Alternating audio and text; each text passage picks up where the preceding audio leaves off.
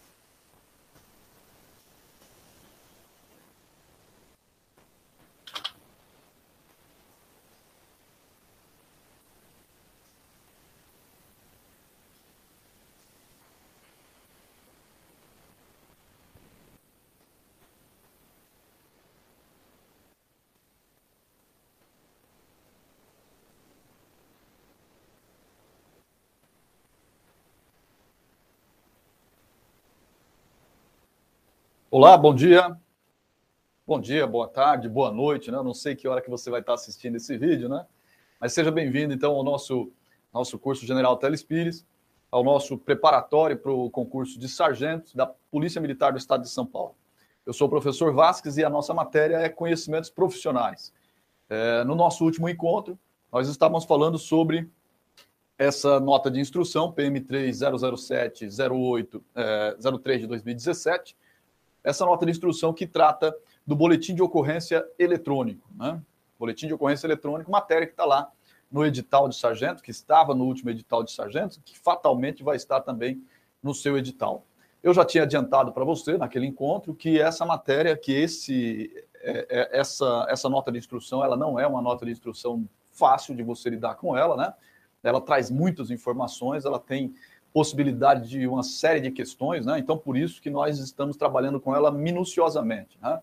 Como já faz um tempinho desde o nosso último encontro, vale a pena você voltar o nosso último vídeo e dar uma olhadinha naquilo que nós dissemos lá sobre essa parte introdutória, tendo em vista que nós não conseguimos naquela, naquela oportunidade, né, falar da nota de instrução inteirinha, nós tivemos que parar ali no meio, e sempre que você para no meio, é, tem alguma, alguma solução de continuidade. Né? Então é melhor você ir lá Dá uma olhadinha no último vídeo, então, para você é, pegar o fio da meada aí, né? Começar é, e, e, terminar esse assunto de uma vez, de uma vez só. Então, é, vamos rapidamente, então, falar daquilo que nós já tínhamos é, iniciado no nosso último encontro. Então, nós falamos da, nós falamos da nota de instrução. Espera aí, deixa eu acertar minha tela aqui. Nós falamos então que, que você vai ler a nota de instrução inteirinha, você vai começar da, do cabeçalho da nota de instrução e você vai até o final. Né? No entanto, para fins de prova, geralmente o que a gente vê cair são essas partes aí que dizem respeito à execução, né? a execução, da execução em diante da nota de instrução. É geralmente isso daí que é mais cobrado nas nossas provas. Então, nós começamos falando ali dessa parte inicial aqui da execução e eu chamei a atenção para você para o fato de que é, a nota de instrução ela exige né, que o BO eletrônico ele seja feito no local do atendimento da ocorrência. Então, não é possível ficar se deslocando para realizar a confecção do boletim de ocorrência na sede da companhia ou em outro lugar que seja. É, se por questões de segurança ou de condições climáticas não for possível fazer a confecção do boletim eletrônico ali no próprio local da ocorrência, qual que é a saída? Buscar autorização do CFP ou, na falta do CFP, do CGP, para procurar um lugar mais seguro, um lugar abrigado e evitar ao máximo o registro dessas, desse boletim de ocorrência em série de OPM. Eu não posso ir para a série de OPM. Você pode pensar que é besteira, no entanto, são quatro assertivas ali que nós temos e na nossa prova a VUNESP ela faz lá também quatro assertivas, lembra lá? A, B, C e D, né? Então, toma cuidado com esse tipo de, de observação. Parece um negócio besta, parece algo que não cai em prova e na, no final das contas a gente vê isso aí rotineiramente sendo cobrado, né? Então, quando que eu posso não fazer o boletim de ocorrência no local da ocorrência? Quando por questões de segurança ou por condições climáticas não for possível. Nesses casos, mediante autorização do CFP e na ausência dele apenas do CGP, eu posso me procurar um lugar seguro ou um lugar abrigado, evitando ao máximo fazer o boletim de ocorrência na série da OPM. São as quatro assertivas que você precisa lembrar desse tópico para a sua, sua prova. Né? Depois eu falei ali do encerramento de ocorrência, e aqui eu chamei a atenção para o token, né? que é aquele número que você passa para a parte interessada para que ela possa depois extrair cópia do boletim de ocorrência via internet. Eu falei para você que esse token ele é fornecido no momento do registro da ocorrência, mas que a parte ela só vai ter acesso ao boletim depois que houver a validação do BO eletrônico pelo comandante de companhia, que é o usuário validador. Né? É, se a vítima ou a testemunha ela se sentir coagida e ela não quiser que os dados dela fiquem disponíveis, é, se, o, se, a aplicação ela permitir você é, é, manter, manter restritos esses dados, essa restrição ela vai ser feita no sistema. Se não for possível, eu vou lançar isso aí no, no, no registro da ocorrência para que o CPD, e vou comunicar né, via comandante de companhia o CPD, para que ele possa fazer, então, a supressão das, da divulgação dessas informações. É isso que a norma diz. Né? As vítimas e testemunhas, quando se sentirem coagidas ou ameaçadas em decorrência do registro de crimes, se assim postularem, poderão restringir o acesso a seus dados e endereços no sítio eletrônico da PM. Está vendo lá? Enquanto a solução tecnológica não possibilitar diretamente a opção pela restrição descrita no subitem anterior, a vontade das vítimas e testemunhas deverá ser consignada no relatório da autoridade policial. Então, eu consto lá no boletim de ocorrência, comunicando diretamente o suporte técnico para intervenção no sistema. Então, aí, por via do comando de companhia, você vai avisar lá o da DETIC, vai avisar, enfim, o DAS, né, para que eles façam essa supressão ali da informação. É, isso aqui, lembrando que a, a previsão ela estava lá na, na, nossa nota de instrução desde 2017. Né? A, a, evolução da ferramenta tecnológica pode já ter permitido, quando você estiver fazendo a sua prova, que essa, que essa restrição de acesso aos dados das vítimas e testemunhas seja feita já na própria aplicação. Mas o que importa para a gente é o que está escrito aqui na norma, tudo bem? Depois também a questão envolvendo o fornecimento do token para aquele sujeito, né, autor de crime que tenha sido preso em flagrante, né, o item é, seguinte ali, né, ele diz assim que não deverá ser entregue ao autor de crimes que resultarem na prisão em flagrante delito, enquanto persistir a prisão, né, ou então o token não pode ser entregue para esses pra, nesses casos, mas o acesso à informação pode ser feito ali, franqueado, né, ao defensor devidamente constituído. Então aqui eu tenho que tomar cuidado também. Se o sujeito ele é autor de crime e ele foi preso em flagrante, eu não posso fornecer o token para ele. Mas eu não posso fornecer somente enquanto ele estiver preso. Né? Após ele ser libertado, aí eu posso fornecer o, o, o, o token para ele sim. E enquanto ele estiver preso, o advogado dele pode ter acesso? Claro, o advogado dele sempre vai ter acesso garantido. E nesse caso, é, desde que seja o defensor constituído por ele. Tudo bem? Depois eu falei ainda da questão daquela parte que recebe o token e ela não consegue, por qualquer razão, extrair a cópia da internet. E aí ela procura uma OPM qualquer, é, aquela perto da sua casa, né, buscando uma cópia dessa, dessa ocorrência. O que, que eu faço nesse caso aí? Né? Aquele policial que recebeu essa pessoa disse para ela, vai falar para ela assim, olha, é, você pode conseguir pela internet. Ela fala, ó, já tentei não consegui. O que, que ele vai fazer nesse caso aqui? Nesse caso, olha lá, deverão ser orientados quanto à possibilidade de extrair cópia física na própria sede da companhia responsável pelo registro da ocorrência. Então, eu falo para ele assim: olha, onde você registrou o BO? Ah, em tal companhia, em tal, não, em tal área. Ah, lá é a companhia X. Você pode ir até lá e pegar uma cópia física desse BO. Ou então, ele pode ir em qualquer outra instalação policial militar. Né? Ele pode, pode ir em qualquer OPM e qualquer OPM deve fornecer para ele essa cópia do boletim. E como que a OPM vai fazer se não foi ela que registrou? Nesse caso, olha lá, a OPM demandada deverá entrar em contato com a OPM onde ocorreu a lavratura para envio da cópia do registro. Então, a pessoa procurou, ela vai ter a cópia do boletim de ocorrência eletrônico. Não é só a pessoa ir lá na companhia e você falar assim, olha, procura a companhia onde você registrou e se vira. Não, de repente a pessoa estava viajando, por exemplo, registrou a ocorrência lá em Presidente Epitácio e ela é aqui em São Paulo. Eu vou obrigar a pessoa a ir lá em Epitácio na segunda do 42I para extrair a cópia desse boletim de ocorrência? Claro que não. Né? Então, em qualquer unidade ela pode conseguir. Tá bem? A unidade demandada deve entrar em contato com aquela e, e conseguir uma cópia do, do registro. Maravilha?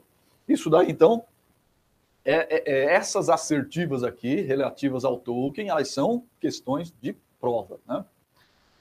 Depois, é, também como depois também como uma, uma observação importante, nós temos aqui a, a, questão da impossibilidade de registro. Aquelas unidades onde foi instalado o, o, o, boletim de ocorrência eletrônica, elas devem registrar a ocorrência unicamente através do boletim de ocorrência eletrônico. Né?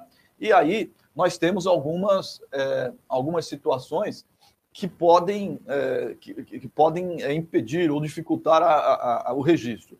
Nesses casos, a norma ela prevê o seguinte, que havendo problemas de ordem tecnológica que inviabilizem a, a, a elaboração do BO é, no TMD ou TPD, é, atrelada àquela unidade de serviço que foi despachada para a ocorrência, eu tenho que vincular, eu tenho que vincular a ocorrência a um outro TMD ou TPD, preferencialmente reserva da série da companhia. Então aqui, olha só. Então aqui veja bem. É, a, a, eu paguei a ocorrência para uma, para uma unidade de serviço. Ela vai lá, ela não consegue registrar a ocorrência no TMD da viatura dela. No TMD da viatura dela, ela não consegue registrar. Nesse caso, o que, que ela vai fazer? Ela vai registrar no boletim de ocorrência físico, no formulário físico? Não. Ela, eu vou ter que atrelar essa ocorrência a um outro TMD ou TPD. Preferencialmente um TMD ou TPD que esteja reserva lá na série da companhia. E aí, o boletim de ocorrência vai ser feito no TMD também eletrônico. Tudo bem? Quando então que eu vou fazer o registro no, no formulário físico? Olha lá, nas circunstâncias em que houver indisponibilidade do CIOPM, que não permita a elaboração do BO eletrônico, a unidade, em caráter excepcional, vai registrar no formulário impresso. Então, eu só vou fazer, só vou registrar a ocorrência no formulário impresso quando o próprio CIOPM não permitir fazer o registro em qualquer TMD. Tudo bem? Maravilha. É... que mais que é importante daqui? Depois aqui nós falamos da ocorrência de preservação de direitos, né? E aqui eu estou fazendo, para o pessoal que está chegando agora, estou fazendo ali um resumo né, daquilo que nós tratamos no nosso último encontro sobre essa norma que fala do boletim de ocorrência eletrônico, né?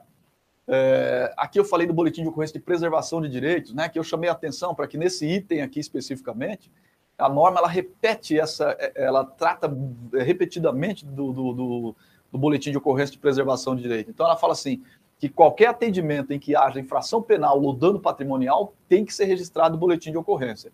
E também naqueles casos de preservação de direito, em que às vezes eu não tenho uma infração penal, às vezes eu não tenho um dano patrimonial visível ali, né? Mas a pessoa ela quer registrar um fato para que ela possa depois, em cima desse, desse registro de fato, buscar lá eventuais direitos que ela tenha. Né? Nesse caso aqui, é, o, a, a, unidade de serviço ela vai ter que registrar o boletim de ocorrência para preservação de direitos. E aí depois a norma ela fala, é dispensável a elaboração do BO eletrônico em alguns casos. Naquelas ocorrências sem infração penal, naquelas sem intervenção, duplicidade de chamada, trote com despacho, encaminhamento é, de pessoas ou de dados. Nesses casos aqui é dispensável a elaboração do BO eletrônico, exceto se a ocorrência for de trânsito ou de preservação de direitos, mais uma vez. Né? Então veja ali. É, se houve a condução a outros órgãos públicos apenas, olha lá, é o item 6.3.2.8, por exemplo. Condução a outros órgãos públicos. Eu preciso registrar em BO eletrônico? Como regra, não. Né? Quando não havendo infração penal, a unidade de serviço apenas encaminha pessoas a outros órgãos, como a Polícia Federal, os órgãos assistenciais. Né? Então, nesses casos, eu não preciso registrar em BO eletrônico. No entanto, se a ocorrência ela for de trânsito ou se ela for de preservação de direito, mesmo nessa hipótese, eu teria que fazer o registro no BO eletrônico. E nessas casas, nesses casos em que eu vou registrar em BO eletrônico a ocorrência de preservação de direito, eu começo lá dizendo que é, o boletim de ocorrência é registrado para fim de preservação de direitos. Então, é, nesse, nesse, nessa tela aqui especificamente, nesse slide aí que você está vendo, a importância que eu dei aqui, o destaque que eu dei foi para essa ocorrência de preservação de direitos, porque são vários, são vários itens ali que chamam a atenção para ela. Tudo bem? Depois, nós conversamos aqui sobre os usuários, né? Eu falei que nós temos ali basicamente quatro usuários. Aquele usuário do serviço de dia, que é quem monta o, o, o quem vai montar o mapa força e quem vai é, criar virtualmente as unidades de serviço. para que elas possam elaborar o BO eletrônico. Depois nós temos o usuário componente da unidade de serviço, que é quem vai receber a ocorrência, que vai elaborar. Nós temos o usuário despachador do centro de operações, que é quem vai estar pagando as ocorrências. E nós temos uma figura ali do usuário validador, que é quem? O comandante de companhia ou equivalente. É esse cara que tem o acesso a todo o sistema e que vai fazer a validação dos BOs ou ainda a complementação dos BOs, como nós vamos ver adiante. Essa questão da validação dos BOs é aquela que mais cai em prova, né? Eu já tinha falado para você também. É o usuário validador que faz essa que faz essa é, que faz o comandante de companhia então que faz essa validação, né? E ele vai fazer como? Ele vai pegar aquele registro de BO eletrônico, uma vez feita e encerrada a ocorrência lá pela unidade de serviço, esse BO eletrônico vai cair na tela do comandante de companhia. E ele vai ficar responsável por fazer a conferência das informações e a validação desse BO. Isso daí ele tem que fazer no primeiro dia útil subsequente ao registro. Olha lá, ó, deve ocorrer até o primeiro dia útil subsequente ao registro em si. Até o primeiro dia útil subsequente. Quer dizer, ele pode fazer a validação no próprio dia do registro? Pode, mas ele tem até o primeiro dia útil subsequente. Tudo bem? E o complemento em BO? O complemento em BO é, é aquela, é aquela, aquela providência que o usuário validador ele toma, de preferência no momento em que ele vai validar o BO, ele está analisando o BO, ele vê que há algum dado que precisa ser complementado, alguma coisa que ficou faltando e tem que ser inserido, ou ainda alguma informação que constou ali e que está incorreta, que precisa ser corrigida. Então, a complementação do BO, na verdade, ela se dá pela complementação em si, ou seja, eu vou acrescentar alguma informação que estava faltando, ou ainda pela retificação. Né? Na retificação, eu vou corrigir alguma informação que foi constada de forma incorreta no BO. Isso daí é feito preferencialmente no momento em que eu vou validar. Isso aí está lá na nossa, é, na nossa norma, né? Veja ali na tela, lá, ó realizado preferencialmente no ato da sua validação pelo comandante de CIA ou equivalente. Entretanto, considerando dados e informações supervenientes que possam impactar o registro, também poderá ser processado posteriormente ao prazo indicado. O complemento permite duas possibilidades que nós já falamos. Então, eu vou preferencialmente fazer no ato da validação. No entanto, vai que essa informação que faltava, ela só chega para o comandante de companhia dias depois. Nesse caso, o que, que ele vai fazer? Dias depois, ele vai fazer a complementação do BO, então. Tudo bem? Então, é preferencialmente, cuidado, não é obrigatoriamente, isso aí cai em prova. Essa questão, ela cai em prova. Depois nós falamos ali é, que a iniciativa de complementação do BO pode ser do comandante de companhia ou pode ser do policial que registrou a ocorrência ou ainda de um terceiro interessado. Então, imagina assim, é, o comandante de companhia, ele validou o BO. No entanto, tem algum dado ali que ficou errado. E aí o próprio policial que registrou, dias depois, ele percebe isso. Ele vai lá e procura o comandante de companhia para fazer uma correção do, do boletim de ocorrência. Ou ainda uma parte da ocorrência, ela registrou o BO, foi registrado o BO, está tudo certinho, no entanto, faltou alguma informação importante ali. Pensa no ocorrência de furto, por exemplo, em que foram furtados vários objetos e que na relação ali dos objetos constantes, faltou um que era importante. E aí a vítima vem depois e ela quer inserir essa informação, né? Ela quer complementar o boletim de ocorrência. Então, nesses casos, seja o policial que fez, seja o terceiro interessado, vai procurar quem? O comandante de companhia, preferencialmente com documentos né, que comprovem aquela informação que eu quero inserir. E aí o comandante de companhia é ele quem decide pela complementação ou não do boletim. É isso que está constando lá. Convém ressaltar que a decisão final pelo complemento é sempre do comandante de companhia ou equivalente. É, como que ele faz essa, essa complementação? Qualquer registro, qualquer registro de complementação, seja para inserir informações, seja para corrigir informações, qualquer que seja a natureza ou origem do complemento, esse deverá ser registrado em BO eletrônico. Eu tenho que fazer em BO eletrônico, contendo as informações do dado que será alterado. Né? Fazendo em um BO de eletrônico complementar. Então, eu nunca altero o registro original. O boletim de ocorrência original eu, não vai ser alterado em hipótese nenhuma. Sempre que eu for complementar, eu faço um boletim de ocorrência complementar. Eu faço uma alteração complementar. E essa alteração ela tem que ser sempre eletrônica. Isso aqui é importante por quê? Porque até 2019 eu podia fazer a alteração, essa complementação de forma física. Eu poderia fazer no formulário físico, digitalizar em PDF e anexar ao boletim de ocorrência original. Hoje eu não posso mais, eu tenho que fazer em boletim de ocorrência eletrônico. Então, esse tipo de informação é importante porque o examinador ele vai é, tentar ver se você sabe ou não que houve essa alteração lá em 2019. Então, por isso que eu deixei constando aí para você. Olha lá em cima. Os boletins de ocorrências complementares só poderiam ser elaborados eletronicamente. Então, está ali reafirmado. Né? Então, ele fala aqui ó, no item 6.6.4 que deverá ser registrado em novo boletim de ocorrência, e ali ele diz que só pode ser feito eletronicamente. Tudo bem?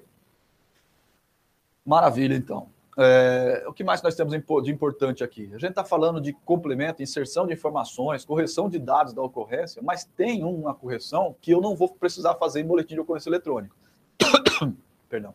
Essa complementação, essa correção, qual que é? Olha lá, eventuais não conformidades associadas ao uso da língua portuguesa. Grafia, sintaxe, né?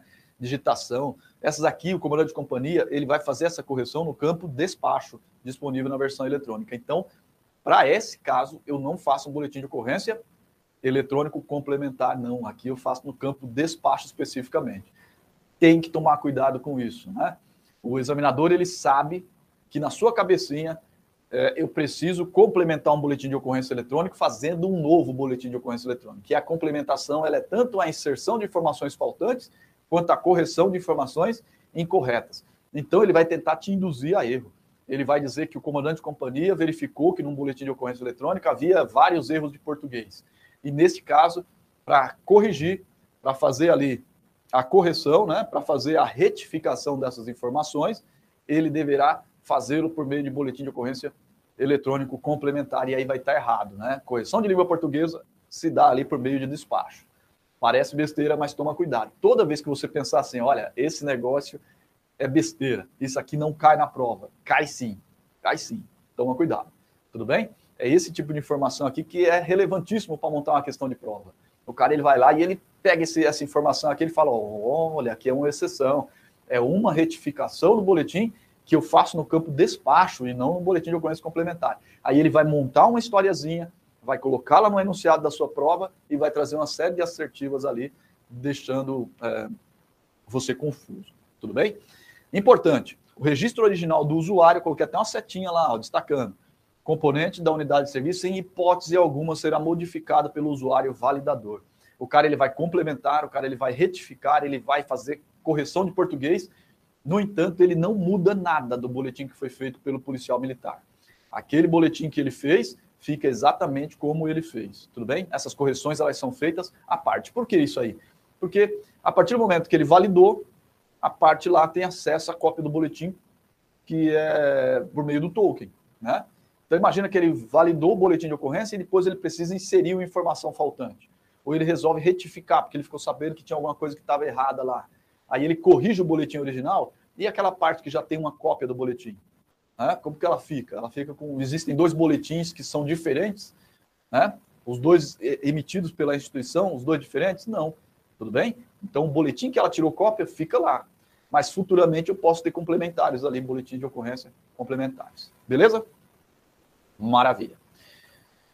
É, olha lá como caiu na provinha da VUNESP, né? A prova de cabo, a prova de cabo de 2020.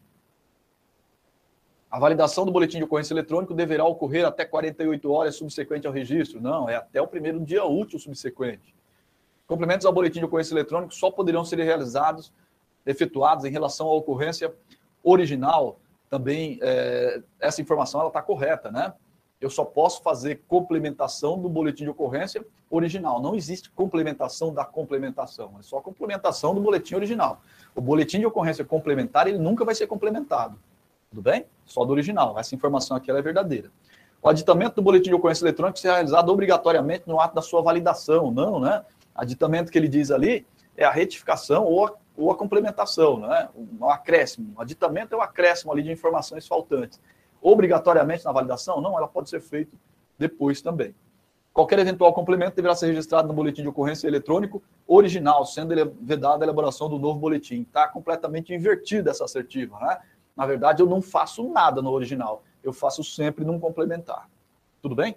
Então aí, olha lá, resposta, letra B, da nota instrução, o item da nota de instrução está ali, né? Não cabe recurso nesse caso aqui. Depois nós falamos da comunicação formal da ocorrência, nós ainda vamos falar ainda disso daí na, resolução, na, na, na norma que trata das ocorrências nos termos da resolução 057, nós ainda vamos falar dessa norma ainda, né? Mas a comunicação formal, nessa norma aí, de acordo com a resolução 057, a comunicação formal é a remessa do boletim de ocorrência no primeiro dia útil subsequente ao registro, lá para a unidade da Polícia Civil. É, eu, eu encaminho o BOPN para a unidade da Polícia Civil para que eles tenham para que eles tenham ciência de uma ocorrência registrada. O que o, a norma fala aqui é basicamente o seguinte: ela diz assim, um dia o sistema ele vai permitir que, ao validar o boletim de ocorrência eletrônica, ele seja é, é automaticamente encaminhado lá para a unidade da Polícia Civil. Enquanto isso não, não acontecer, enquanto isso não for possível, não houver essa aplicação dentro do boletim de ocorrência eletrônico, o que, que vai acontecer? Eu tenho que extrair, imprimir e encaminhar para o ofício lá para a unidade da Polícia Civil, é o que está constando ali no item 6.7.3. Olha lá. Enquanto a conexão descrita no subitem anterior não for efetivada, o registro em BO eletrônico para a ocorrência de mera transmissão de dados deverá ser impresso e encaminhado no respectivo distrito policial via ofício. Então, aqui não tem muita, muita preocupação para a gente. É, aqui o que nós temos? O formulário impresso, né? Mais uma vez ali, a, a norma ela reforça né, que é nas circunstâncias em que houver indisponibilidade do COPM ou problemas de ordem tecnológica que inviabilizem a elaboração do BO, do BO, a unidade de serviço deverá preencher o formulário impresso. Aqui, então, ele mais uma vez ele reforça. Eu só vou fazer o formulário impresso quando? Quando tiver indisponibilidade do COPM ou todos os TMDs eles estiverem impossibilitados de fazer o registro. Né? Se eu puder fazer em outro TMD, o que, é que eu vou fazer? Faço em outro TMD. Tudo bem? Uh, depois ele fala que a notificação, a NOC, né, a notificação de ocorrência, ela vai ser impressa por meio de impressora térmica lá na viatura, ou se não tivesse impressora térmica, eu faço a notificação de ocorrência apartada também. Isso aí nós já tínhamos comentado no nosso encontro anterior. Foi ali justamente que eu tinha parado. A partir desse slide aqui, então, veja só. Dentro das prescrições diversas, nós temos, uns, nós temos algumas informações ali que são extremamente importantes. Né? Eu destaquei aqui para você o item é, 6.11.2, que fala o seguinte, que a elaboração do BO eletrônico não isenta a unidade do preenchimento de outros formulários decorrentes da atividade policial. Então, não é porque eu estou fazendo o boletim de ocorrência eletrônica que eu tenho que deixar de fazer lá o RSO, por exemplo, ou o QPAI. É uma assertiva que parece lógica para a gente, parece clara, né? é óbvio isso daí. No entanto, está constando na norma e o examinador ele pode usar isso aí contra você. Tudo bem? Então, é, o registro em bioeletrônico exime, é, nos termos da norma, veja só, nos termos da norma, hein? O registro do bioeletrônico exime a, da exigência de se preencher o QPAI, por exemplo, aquele, aquele impresso lá sobre é, qualificação de pessoas, armas, entorpecentes apreendidos e tal. Não, como regra, não. Tudo bem? Pela norma, não. É, eu posso anexar fotos no BO eletrônico? Posso anexar fotos. Está lá. Para ilustrar o BO, poderiam ser anexadas fotos de veículos, objetos e locais. O que, que eu não posso fazer? Não posso anexar fotos de pessoas. Cuidado, hein? Foto de veículo pode, de local pode, de objetos pode, sim, de pessoas. Não, de pessoas não. Está lá nos termos da norma, não pode. Isso aí porque visando é, preservar né, a integridade é, moral, vida privada, enfim a intimidade, né, a imagem das pessoas. Por isso que eu não vou juntar fotos.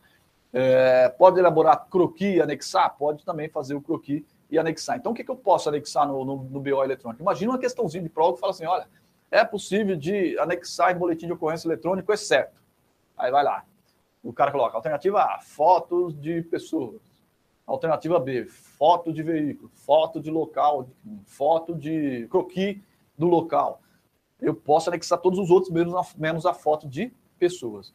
É uma questão besta? É questão besta, mas cai em prova. Cuidado com ela. Mais uma coisa. É...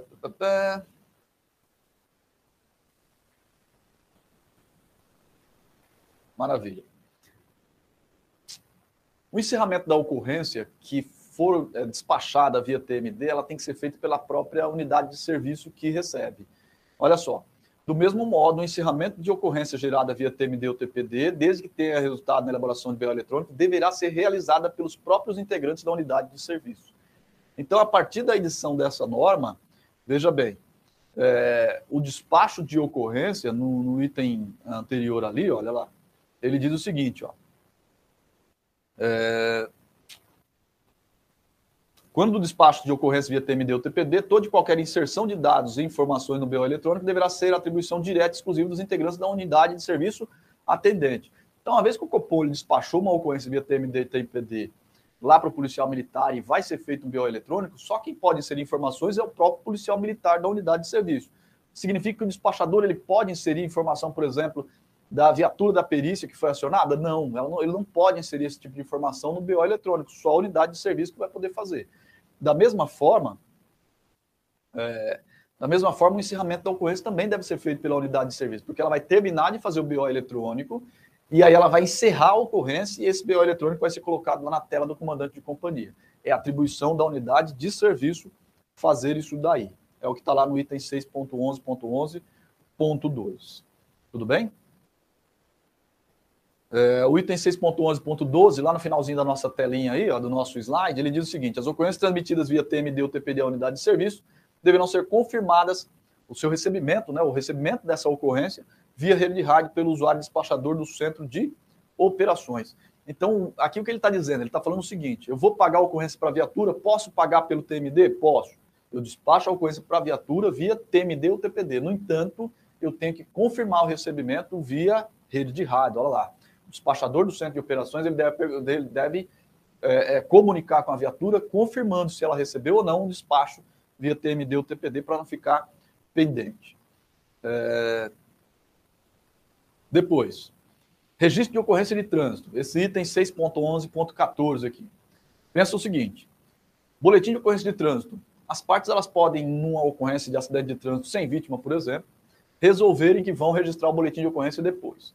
Na prática, como que eles faziam, como que a parte fazia isso? Ela pegava lá é, é, é, os dados do outro veículo e depois ela ia até uma unidade da PM e registrava a ocorrência lá. Isso aí continua sendo feito dessa forma. Aqui, no entanto, quando a gente fala de boletim de ocorrência eletrônica, a gente tem que pensar o seguinte: a parte ela foi lá numa companhia registrar o boletim de ocorrência, ela registrou, ela fez ah, um registro daquela ocorrência de trânsito. A outra parte, ela pode ir em outra companhia para registrar o mesmo acidente. Então, para que eu não tenha duplicidade de BOs registrando a mesma ocorrência, a norma ela prevê o seguinte: quando a parte ela for lá numa unidade para registrar uma ocorrência de acidente de trânsito, eu tenho que me cercar de, de, de, de, informações para evitar de registrar em duplicidade. Então eu vou e busco no sistema, consultando pelo veículo, consultando pelo local, pelo horário, pela data, pela, é, pelas informações do, do, da parte envolvida, né? Se há um registro de boletim de ocorrência eletrônico feito em outro lugar. Se houver, o que, que eu vou fazer? Eu vou preencher um formulário físico, nesse caso, e aí eu encaminho lá para a companhia onde a ocorrência foi registrada. Encaminho lá para a companhia. Por quê? Porque o comandante de companhia, quando ele for validar, ou em outro momento posterior, ele vai fazer o quê? Ele vai complementar aquele boletim de ocorrência que já tinha sido elaborado. Então, a parte foi registrar um boletim de ocorrência numa unidade qualquer. O policial lá do BO eletrônico que recebe essa parte. O que, que ele vai ter que fazer? Ele vai ter que analisar, ele vai ter que consultar no sistema para verificar se já há uma ocorrência anterior. Se houver, ele vai preencher o impresso físico segundo a norma, tudo bem? Toma cuidado com isso aí. A gente está falando aqui de termos de norma. Outro dia o colega falou assim: falou, ah, não, mas na minha unidade não. A gente faz lá um boletim de ocorrência eletrônico nesses casos aí também. Não importa o que o camarada faz na prática. Na prática, não importa para a prova. Na prática, é, para a prova, importa o que está aqui na norma. E ela fala o seguinte: se a parte procurou, eu consulto. Se já existia um boletim de ocorrência prévio, eu faço o físico. E esse físico vai ser encaminhado comandante de companhia, comandante de companhia. Eles vão se conversar, encaminhar para lá. Para ele, aquele usuário validador do BO original, complementar a informação ou inserir a informação lá no BO é, que tinha sido feito anteriormente. Olha lá, nos termos da norma, hein? Quando do registro de ocorrência de trânsito, considerando que as partes poderão fazer individualmente, a qualquer tempo, em OPMs distintas, o policial militar elaborador do BO eletrônico deverá, anteriormente ao processamento do registro em si, pesquisar no seu OPM através das placas dos veículos envolvidos, local, data, horário, eh, dados da parte, eh, para cercar-se de que eh, a outra parte envolvida já não o fez. Caso assim seja apurado, o policial militar elaborador deverá realizar o novo registro, mas sim complementar o existente. O policial militar elaborador não deverá realizar novo registro, e sim complementar aquele já existente. Nessa circunstância, como que ele vai fazer? Ele preencherá os formulários físicos referentes às folhas a serem complementadas, alçando-as ao seu comandante de companhia, que ao receber esses documentos deverá encaminhá-lo ao comandante de companhia da ocorrência original foi elaborada, preferencialmente por meio digital. Então, ele lá faz o físico, comandante de companhia dele, o comandante de companhia dele para o outro lá onde foi registrado originalmente, preferencialmente via digital. Eu digitalizo, transformo em PDF, mando via notes lá para ele, ele vai pegar essa informação e vai complementar o boletim de ocorrência original. Tudo bem? Os procedimentos previstos ali no subitem anterior têm por finalidade evitar a duplicidade de registro. Isso aí é óbvio para a gente. Né? Aí, no que se refere ao, registro de ocorrência de trânsito, é, as informações complementares relativas à remoção, recolhimento do veículo, número do CRR, deverão ser discriminadas no relatório da autoridade policial. Então, se eu recolhi o veículo, se eu recolhi documentos, se foi removido o veículo para outro lugar, nesses casos eu vou constar no relatório, tendo em vista que não há um impresso lá de CRR eletrônico, né? não dá para a gente constar isso aí ainda. Tudo bem? Da mesma forma, no que tange ali ao registro de classificação de danos ou avarias em veículos, quando houver indisponibilidade do sistema tecnológico, deverão ser preenchidos formulários físicos também. Pronto, acabou. Legal? O que eu quero que você guarde daqui desse slide? Ocorrência de trânsito. O que, é que eu faço? Primeiro eu pesquiso. Já tem boletim eletrônico anterior? Tem. Então eu vou complementar aquele e não fazer outro. Como que eu complemento? Faço físico. Comandante de companhia, comandante de companhia, e ele vai complementar lá. Legal? Essa lógica precisa ficar clara para você. Maravilha? Cai em prova? Cai sim. Olha lá, caiu no CAO de 2020, né? Provinha do CAO de 2020 caiu justamente essa sistemática aí. Olha lá, para o registro de ocorrência de trânsito, considerando que as partes poderiam fazê-lo individualmente a qualquer momento, inclusive em OPM distintas, o policial militar elaborador do boletim de ocorrência eletrônico deverá. Vamos lá. Alternativa A, pesquisar no seu OPM, através das placas dos veículos envolvidos, local, data e horário do acidente, local, da, dados das partes, para cercar-se de que a outra parte envolvida já não tenha feito o registro do mesmo fato. Sim, essa é uma providência que o policial militar tem que adotar. B. Realizar o novo re, registro de novo BO eletrônico, caso identifique que já foram realizado BO eletrônico daquele fato. Não, né? Não faço o novo. Se já tiver um, eu só complemento. Caso identifique que já foram realizado BO eletrônico daquele fato, deverá direcionar a parte para que registre o boletim de ocorrência complementar na OPM que registrou primeiramente os fatos. Então aqui eu transfiro o ônus para a parte, né? Não, eu não transfiro o ônus, o ônus para a parte que procurou a PM. Se ela veio na unidade diferente, eu faço a complementação fisicamente aqui e encaminho para outra. Eu não vou ficar pagando missão para parte e ficar indo de um lado para o outro. Veja que no serviço público deve se primar pelo princípio da eficiência. Né? Então, a parte veio buscar numa unidade, eu não vou transferir para ela o ônus do serviço público. Né? Maravilha. D. Realizar registro de boletim de ocorrência manuscrito, PMO 58, caso identifique que já for realizado BO eletrônico daquele fato. Tudo bem?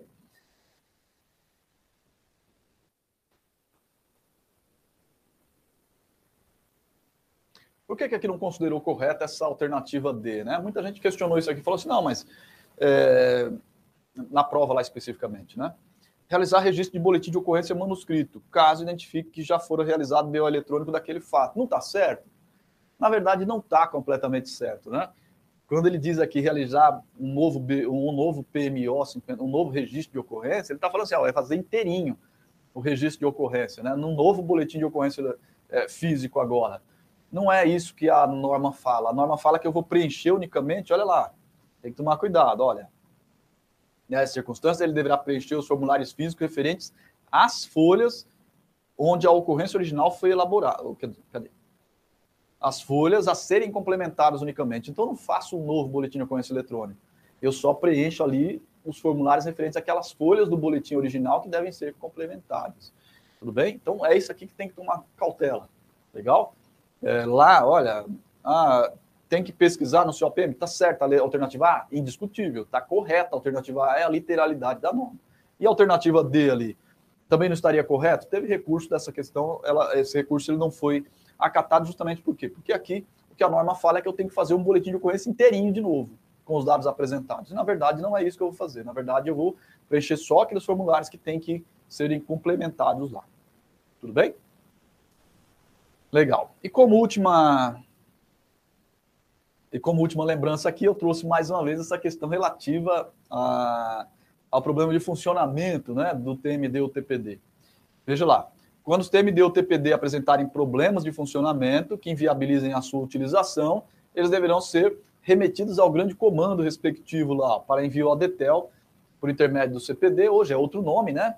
Você não tem mais DETEL, tem DETIC, hoje não tem mais CPD, tem DAS, né? Essas nomenclaturas elas mudaram, mas na norma continua constando dessa forma ainda, porque ela é de 2017, como eu disse, com vistas à manutenção corretiva ou substituição. Então, tem problema no TMD-TPD, o que, é que eu faço?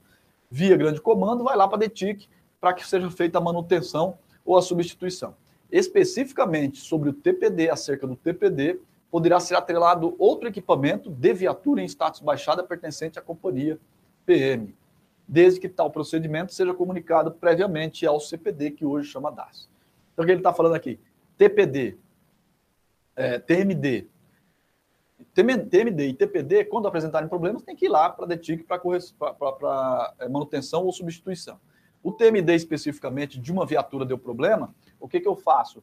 Eu atrelo aquela viatura um outro TMD, bem? preferencialmente de uma viatura que estiver baixada. Então eu faço essa substituição. No entanto, eu tenho que comunicar previamente lá ao CPD, que hoje chama DAS, para que ele tenha ciência de que aquela viatura não está mais vinculada a determinado TPD e sim a um outro. Isso aí precisa ficar claro, porque senão o seu APM inteiro vai começar a funcionar errado, né? Eu pago a ocorrência para uma viatura e o registro do boletim vai sair no TMD de outra. Então, esse, esse desacerto aqui, ele vai gerar problemas dentro do seu APM. Então, para evitar isso daí, eu tenho que previamente comunicar ao CPD, que hoje chama DAS, que eu estou fazendo a alteração ali, a troca dos TMDs. Tudo bem? Maravilha? É isso aí, então. Sobre o. É, acerca do, do, do boletim de ocorrência eletrônico, são essas informações aí que você precisa saber no momento da sua prova. Tranquilo? Então, nós passamos pela norma inteirinha. Veja que tem muita coisa importante, tem bastante detalhezinhos que são importantes. Essa, essa norma ela é repleta de informações que podem ser objeto de questão. Então, vale a pena ler a norma, vale a pena assistir a, a nossa aula, voltar lá no, no, no, vídeo anterior, assistir o comecinho dela também e é, se cercar de todos os cuidados aí. Se ela estiver constando no seu edital, a gente acha que ela vai continuar constando lá, né, porque ela é importante, é, tenha certeza que ela cai na sua prova. Maravilha? Legal. Seguindo então a lógica aí do nosso, do nosso material, né, seguindo a ordem né, que nós estabelecemos aí do nosso material de, de apoio, né, na nossa apostila, nós passamos a falar a partir de agora sobre os procedimentos operacionais padrão, sobre os POPs, né? Matéria que cai na sua prova, matéria que está lá prevista no que estava prevista no edital, deve continuar sendo previsto também no próximo edital. Procedimentos operacionais padrão. Nós temos uma série de procedimentos operacionais padrão que estão previstos lá no edital. Eu vou falar de todos eles. No entanto, veja só, você vai pegar o POP e você vai ler o POP inteirinho. Isso daí é, é, é, coisa inevitável, né? Você precisa ler o POP todinho. Tem que pegar lá, desde o cabeçalho do POP, né? baixa o POP lá da sexta EM, né? aquele atualizado. Toma cuidado aí, porque não vai usar um POP que você usou para estudar lá para a prova de, de cabo, não vai usar o POP do ano passado, porque ele pode estar desatualizado. Os POPs eles têm sido constantemente revistos. Então você tem que tomar cautela, tá certo? O POP de abordagem de pessoa a pé é o primeiro POP que é sempre cobrado. Né? Então ele deve ser cobrado de novo. E aqui eu trouxe uma observação que vale para qualquer POP que a gente for estudar. Quando eu vou estudar POP, é, os POPs eles são, eles são compostos, em regra, né, por alguns tópicos, alguns itens ali. Esses itens, via de regra, eles são assim, estabelecidos as atividades críticas, a sequência de ações, os resultados esperados, as ações corretivas, as possibilidades de erro e os esclarecimentos. Nas atividades críticas, ele só vai descrever assim quais são, os, é, quais são as providências que eu adoto dentro daquele POP. Então, por, por exemplo, no, POP de, de, abordagem de pessoa pé, eu tenho lá como é, atividades críticas. Eu tenho como atividades críticas identificar a pessoa a ser abordada, aproximar-se da pessoa, né? é, parar a viatura em local seguro, são atividades críticas ali, aqueles pontos de maior destaque. Isso aí geralmente não é cobrado em questão de prova. Você vai ler, você precisa saber, tem que estar tá lá, está lá no, no POP, pode ser cobrado, mas como regra não é. Então você pode dar menos atenção para essas atividades críticas. Por outro lado, a sequência de ações, esse tópico, sequência de ações, ele é um daqueles que é mais cobrado em prova. Então você tem que saber o que fazer em cada caso. Dentro da sequência de ações, eu vou dizer o que eu faço. Né? O que eu faço.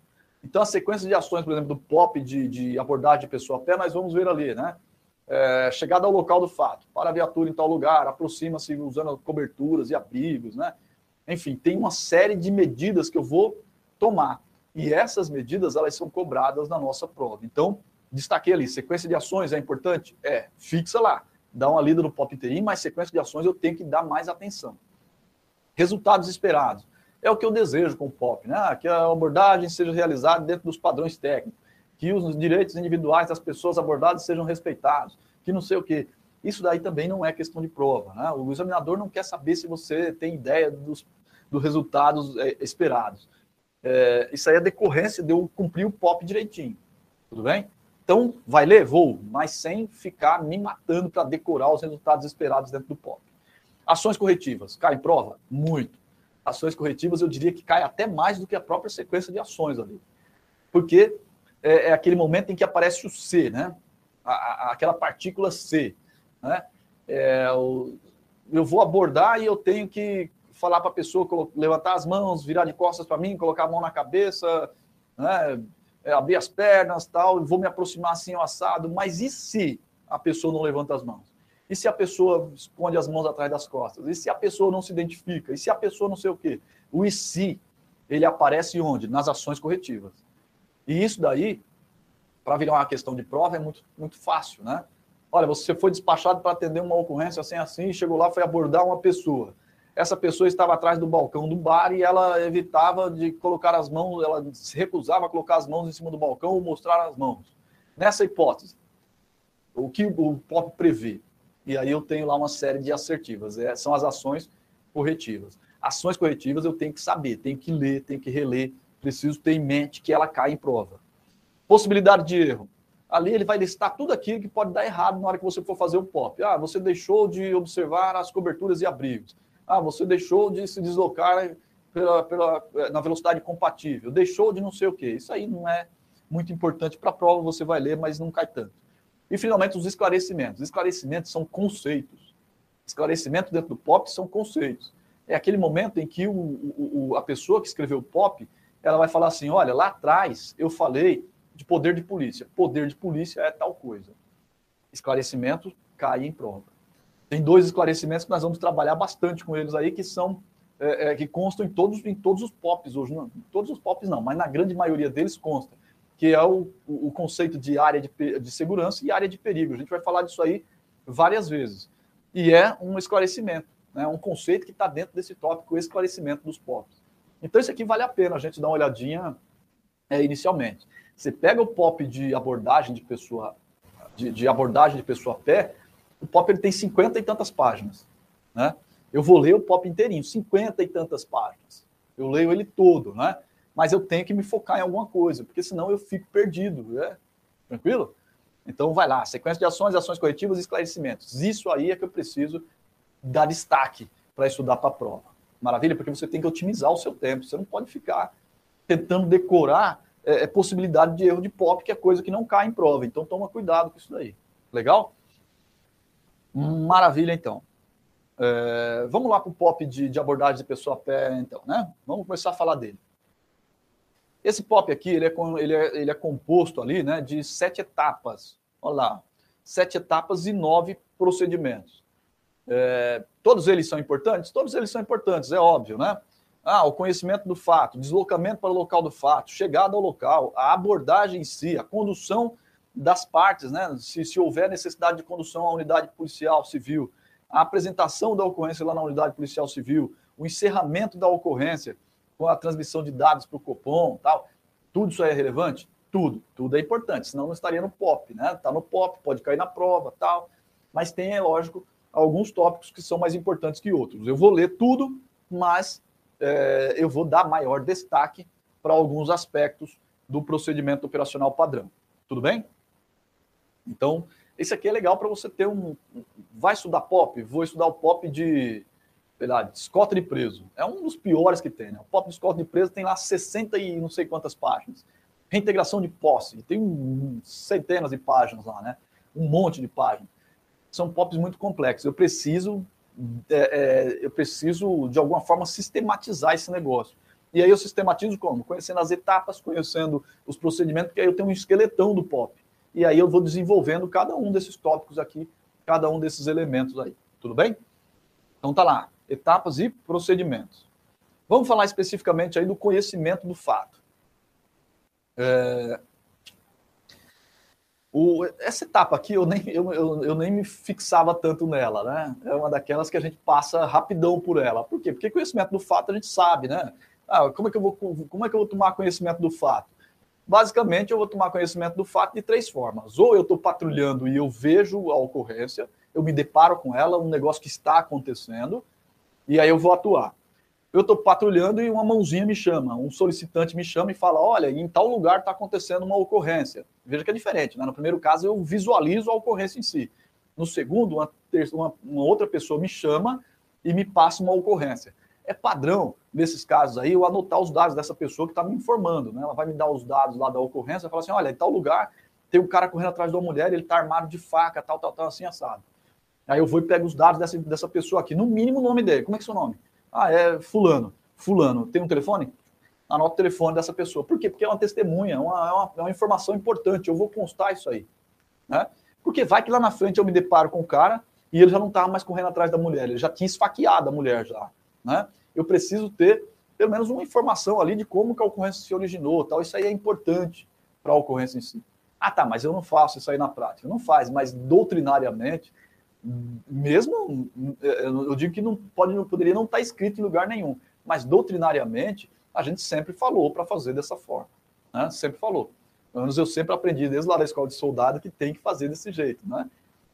A, a mãozinha chamou lá. Eu tenho que, no mínimo, identificar essa pessoa aqui de algum jeito para, se precisar depois, eu ter uma informação de uma testemunha aqui, né? Aí que chega lá, tem uma ocorrência lá com resultado morte, né? Eu preciso, é, é, importante ter essa informação aqui de que não fui eu que principiei a ocorrência, que foi um terceiro que me chamou e falou para eu atuar. Tudo bem? Então, nesse caso, então, esse tipo de informação, ela é, ela é, é uma coisa que a gente aprende desde sempre. Né? Então, estou patrulhando, me deparei com a ocorrência. Estou preparando a mãozinha lá, o solicitante me chamou e passou a ocorrência para mim. Ou a terceira forma, o Copom me chama e paga uma ocorrência. Então, são três modos, basicamente, que eu tenho de tomar conhecimento da ocorrência. Em cada um deles, eu vou ter é, ali cuidados que eu tenho que adotar, né? Se a mãozinha me chamou, eu peço dados da, da ocorrência em si. A pessoa me chamou aqui e falou que o cara está correndo atrás da mulher. Eu falo, meu, o cara, que cara? Ah, um cara assim, assim. Que roupa que ele tá? Ah, tá com a camisa azul. Né? É, o cara que ele está sem camisa, ele é careca, ele não sei o quê. Né? Então, são dados da ocorrência que eu coleto. Se o Copom me paga a ocorrência, ele vai me passar informações. E eu vou cobrar dele algumas informações que ele não me passe. Né? Então, ele está me pagando uma ocorrência, eu falo assim, o Copom, é telefone público, é celular, tem contato aí com a vítima, é de um estabelecimento comercial, né? tem contato com o solicitante, consegue falar com ele para ele passar maiores dados da ocorrência. Então eu dialogo com o Copom para colher informações. O POP, ele pegou isso aí que a gente faz e transferiu lá para o texto da norma. Né? Então, veja lá, atender ao chamado do Copom ou do solicitante. Né?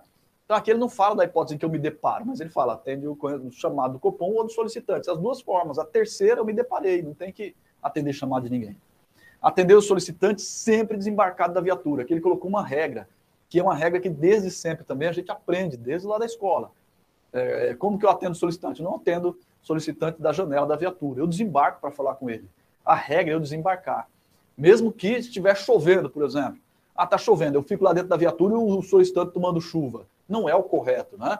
O correto é da pessoa me chamou, eu saio da viatura, nós dois vamos para um lugar abrigado das intempéries e aí eu vou atender o solicitante. Legal? Então, sempre desembarcado da viatura. Depois, permanecer atento às pessoas que estejam transitando pelo local, resguardando sempre a segurança pessoal, é para evitar que, por exemplo, uma pessoa venha até a janela da viatura pedir uma, com uma história de cobertura para a equipe ser atacada, por exemplo, por criminosos. Né? Então, eu estou ali atendendo a pessoa, vou atender como? Desembarcar e prestando atenção no que está acontecendo em volta. De repente é a vítima que veio reclamar e aí vem o agressor lá para atacar a vítima enquanto ela está falando com a equipe. Né? Então, permanecer atento. Contatar se, constatar se o solicitante possui algum tipo de deficiência ou não compreende o idioma português. Às vezes a pessoa ela vem pedir informações, ela não fala português, é um, é um imigrante qualquer, né? é um estrangeiro. É, essa pessoa ela tem algum problema de algum problema é, de deficiência, não consegue falar, é surdo, é mudo, é cego, né? Então eu preciso atuar nesses casos aí. Adotar postura de segurança, padrões de respeito, coletar dados acerca da, das ocorrências, registrar as informações necessárias para. Olha lá, o item 7. Registrar as informações necessárias para contato com o solicitante em relatório de serviço operacional. Aquilo que a gente costumeiramente fazia, agora está constando aqui no POP. Né? Então, é... e transmitir ao Copom o CAD e os dados coletados. Tudo coisa que a gente já faz na prática. Por isso que eu não, tinha, não dava tanta, tanto destaque para esse POP aqui. Né? Mas aí vai lá, o guarda aí queima a língua. Né? Você fala assim, todo mundo sabe isso daqui, né? Todo mundo sabe que tem que fazer isso. Por insight, é uma questão lógica. O examinador não vai ficar cobrando isso aqui porque é coisa prática do dia a dia ali do patrulheiro, né? Todo patrulheiro sabe fazer isso daqui. Aí vem lá, questãozinha da prova de cabo de 2021. Uma prova aí do dia, sei lá, dia 4 de agosto, agosto, eu acho, né? Passado. Tem menos de dois meses aí. Questão da prova de cabo.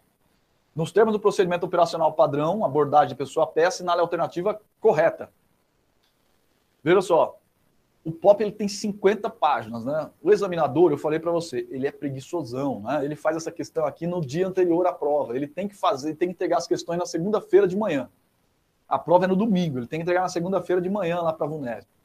Que dia que ele vai fazer as questões de prova? No domingo à noite, depois do Faustão. Na hora que ele estiver indo dormir, ele vai lembrar, puto, tem que entregar a questão de prova amanhã. Aí ele vai e sai que nem um louco caçando informações ali para montar a questãozinha de prova. Ele é assim mesmo. Né? Não pense que é diferente, não. O cara ele vai lembrar de última hora que ele tem que fazer a questãozinha de prova. Aí, o que, que ele faz? Ele pega um pop de 50 páginas, ele vai fazer assim, vou sair caçando aqui dentro desse pop? Não. Eu vou logo lá na primeira parte do negócio. Foi isso que ele fez nessa questão de prova aqui.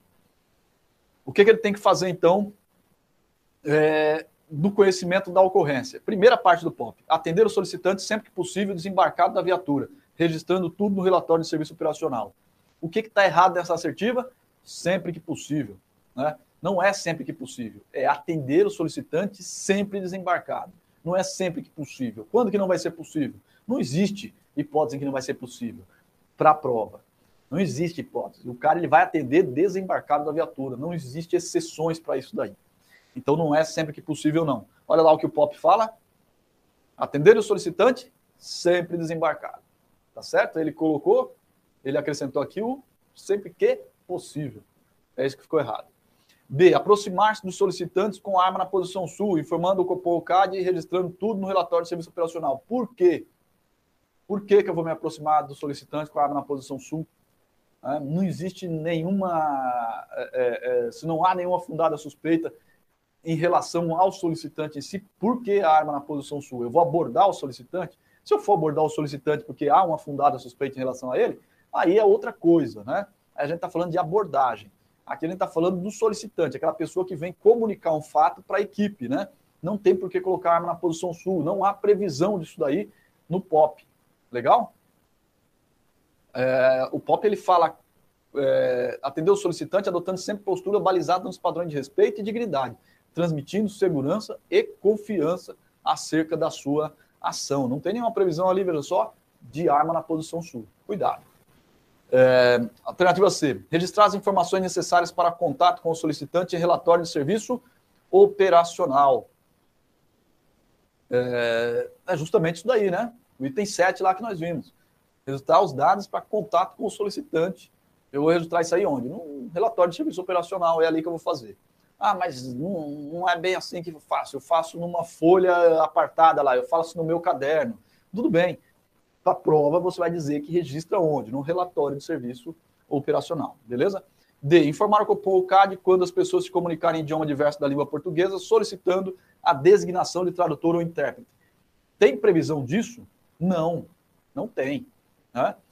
É, o que, que o POP ele fala a respeito de pessoas que se comunicam em língua, é, é, em língua estrangeira?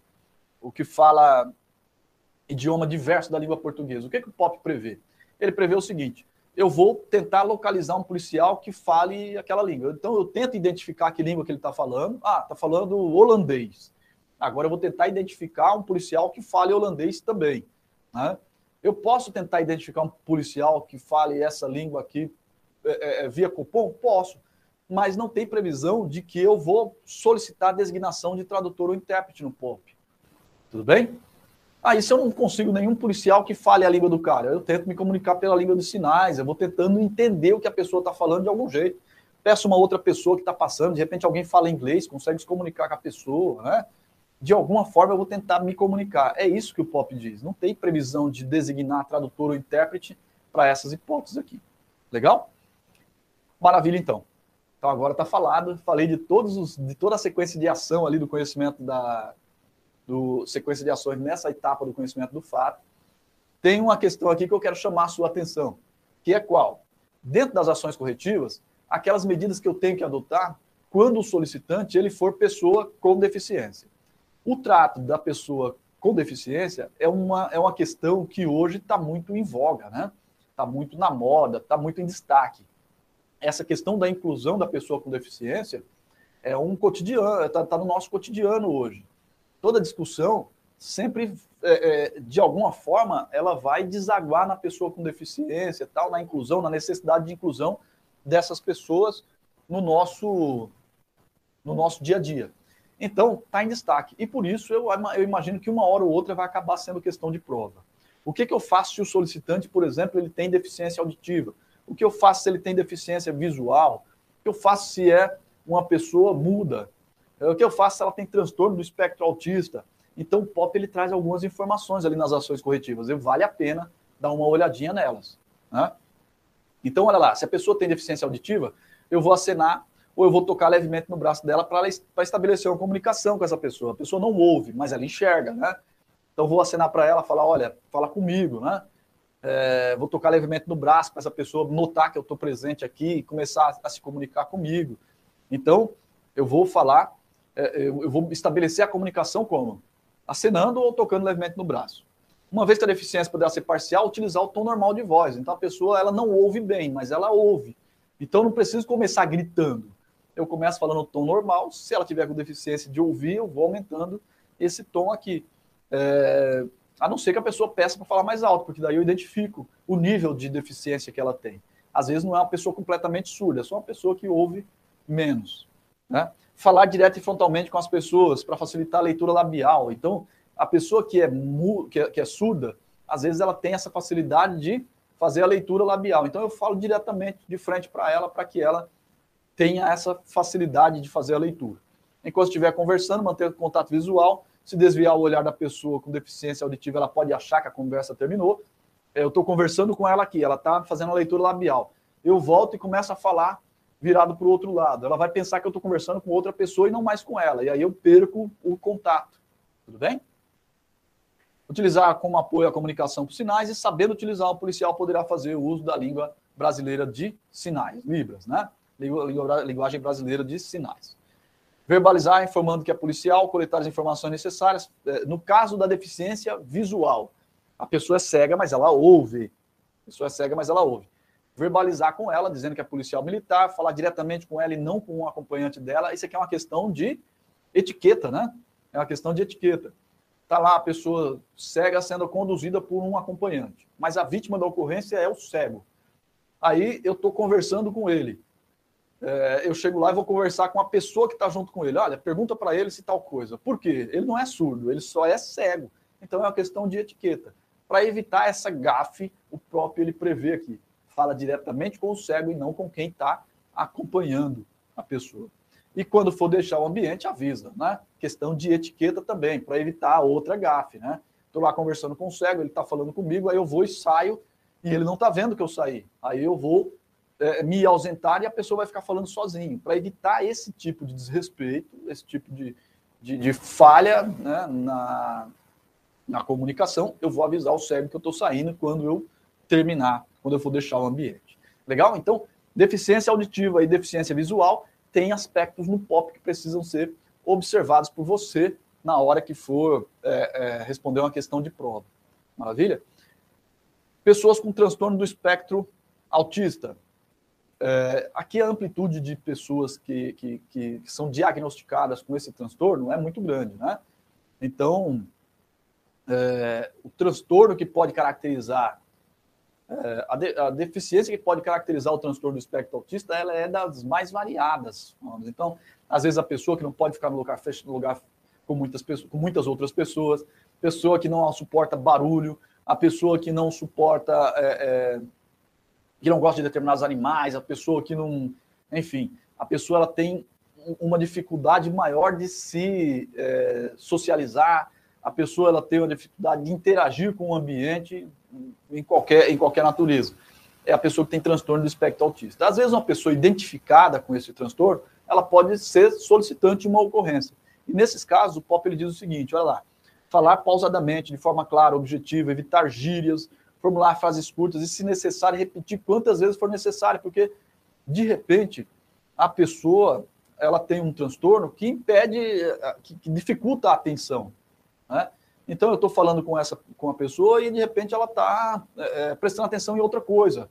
Né? Então, eu vou repetir para ela quantas vezes for necessário até que ela consiga compreender o que eu quero, para ter certeza de que a informação, informação foi compreendida. Notou ali? Se necessário, utilizar estímulos visuais para reforçar o que está sendo dito, né? É, a pessoa com um transtorno do espectro autista pode ser sensível, tem sensibilidade tátil, auditiva, visual, né? Então, às vezes, ela fica incomodada com luz forte, com highlight de viatura, com, com o barulho alto do meu rádio, com a forma como eu converso. Né? De repente, é uma pessoa que não suporta o contato físico. Né? Então, nesses casos aí, olha lá, falar em tom normal de voz, ou seja, sem gritar, do mesmo jeito que eu faço com quem? Com o surdo. Percebeu? Do mesmo jeito que eu falo com aquela pessoa que tem deficiência auditiva, eu faço aqui, falo em tom de voz normal, sem gritar com ela, né? Porque ela até pode ter sensibilidade auditiva. Abaixar o volume do rádio portátil, móvel ou estação fixa que estiver usando ali, ó. É, abaixa o volume do rádio, de repente até é, é, é, apaga o highlight, é uma hipótese em que eu vou descumprir a norma lá de, de sinais luminosos e sonoros de forma justificada, assim, é uma pessoa que tem transtorno do espectro autista, não suporta aquela variação de luzes, ela tem uma sensibilidade visual ali, é, e portanto eu preciso apagar o highlight, porque senão ela não consegue prestar atenção no que eu estou falando. É uma hipótese, sim, em que eu vou usar os sinais luminosos e sonoros de forma justificada, de modo incorreto. E olha ali o item 3.1, evitar movimentos bruscos e contato físico. Contato físico. Então lembra, com a pessoa que tem deficiência visual, eu estabeleço contato com ela como? Tocando no braço, lembra lá? Olha ali. É... Cadê? Onde foi que nós vimos? Olha lá. Pessoa com deficiência auditiva. Acenar ou tocar levemente em seu braço para estabelecer comunicação. Então, a pessoa com deficiência auditiva, eu toco no braço. A pessoa com transtorno do espectro autista, eu evito o contato físico. Notou aí? O examinador usa, hein? Esse tipo de informação aqui, o examinador usa em questão de prova. Maravilha? Ah, com a pessoa que, que é deficiente auditivo, eu falo lá em tom de voz normal, olha lá, utilizar tom de voz normal, a não ser que ela peça para falar mais alto. E a pessoa com transtorno do espectro autista? Também. Então, eu sempre utilizo o tom de voz normal para falar com essas pessoas. Legal? Maravilha. Então, toma cuidado. Vale a pena dar uma lida aí no POP, conhecimento do local, conhecimento da ocorrência, no que tange a pessoa com deficiência. Vale a pena ler, tem algumas informações que são importantes. Vê aí no slide aquilo que eu destaquei, destaque também lá no seu POP. Tudo bem? Legal. Provinha da VUNESP nós já vimos, né? Deslocamento para o local do fato, é o segundo momento. Então, Tomei conhecimento, o Copom me pagou a ocorrência ou o solicitante me informou de uma ocorrência. Vou me deslocar para o local do fato. Olha o que o POP diz. Identificar o local de origem e o local onde quer chegar. Tudo bem, sem novidade isso daí. Né? Traçar o melhor itinerário para o local da ocorrência, bem como os caminhos alternativos. Traçar o melhor itinerário. Esse melhor itinerário, que está constando aqui, ele tem uma definição. A definição está lá no próprio POP, na parte dos esclarecimentos. E o POP ele, ele estabelece que o melhor itinerário é aquele pelo qual a viatura poderá chegar ao local do fato com rapidez e segurança, evitando congestionamento e pistas cujas más condições de conservação poderão danificar a viatura ou aumentar o risco no deslocamento. Então, o melhor itinerário é aquele que eu vou avaliar como mais seguro e rápido. evitando destruir a viatura, evitando passar por lugares onde eu sei que vai ter problema de trânsito, evitando passar por lugares onde eu sei que vai ter fluxo de pessoas na rua. Imagina que eu vou me deslocar e eu sei que todo dia, naquele horário, é entrada e saída de, de, crianças do colégio. E aí vai ter um monte de van parada, criança cruzando, professora puxando aquela fila de aluno, né? Aquele Zulu no, no, do lado do colégio. Eu estou indo para a ocorrência rápido e eu vou ter que passar por ali. Eu traço um outro itinerário que eu desvio desse lugar aqui. Por quê? Porque é um lugar que, que pelas condições ali, pode evitar, pode aumentar o risco. Né? É aquele lugar em que é, eu posso ter potencializado o risco do deslocamento. Então, o melhor itinerário ele deve considerar tudo isso. Legal? Deve considerar tudo isso. É, a minha preocupação é a seguinte: o examinador ele vem aqui, ele pega esse item e fala assim: ó, traçar o itinerário mais rápido até o local da ocorrência. Nem sempre. Nem sempre é o itinerário mais rápido. Às vezes é o itinerário mais seguro que eu vou escolher. Né? Esse aqui é o mais rápido, mas aquele é o mais seguro. Ah, o itinerário mais curto. Não é. Né? Às vezes é o itinerário mais longo, só que ele, ele, apesar de ser mais longo, ele é mais rápido e mais seguro. Compreendeu? Esse aqui é o mais curto. No entanto, ele passa por um lugar onde tem uma rua de terra na beira de um rio, eu tenho que cruzar um curso d'água, eu tenho que passar por uma, por uma, uma ponte improvisada ou alguma coisa do gênero. Né? Então, é o melhor itinerário. Tá certo? Então, toma cuidado com assertivas que digam o itinerário mais rápido, o itinerário mais curto, é... e assim por diante. Legal? Acionar luz, dispositivo de luz intermitente, faróis baixos e sirene, quando estiver via, na viatura, é, de viatura, né, de acordo com a norma vigente. Aqui é respeitar as normas lá de sinais luminosos e sonoros, tudo bem. Utilizar velocidade compatível. Outro conceito que está lá na parte de esclarecimentos. Veja lá, o que, que é velocidade compatível? É a velocidade dada ao veículo, levando-se em consideração a fluidez do trânsito, as características da via, o grau de urgência, as condições climáticas, entre outros critérios do motorista e do encarregado da guarnição. Isso aqui é velocidade compatível. Então, aqui, é, utilizar a velocidade compatível com a via. Imagina que o examinador ele vem aqui e troca. Ele fala assim: utilizar a, a velocidade, ou deslocar-se na velocidade, deslocar-se de modo a chegar o mais rápido possível ao local da ocorrência. Né? Não é isso que ele está falando aqui, ele está falando de deslocar-se com a velocidade compatível. Deslocar-se na velocidade da via deslocar-se no dobro da velocidade da via, alguma coisa do gênero, assim.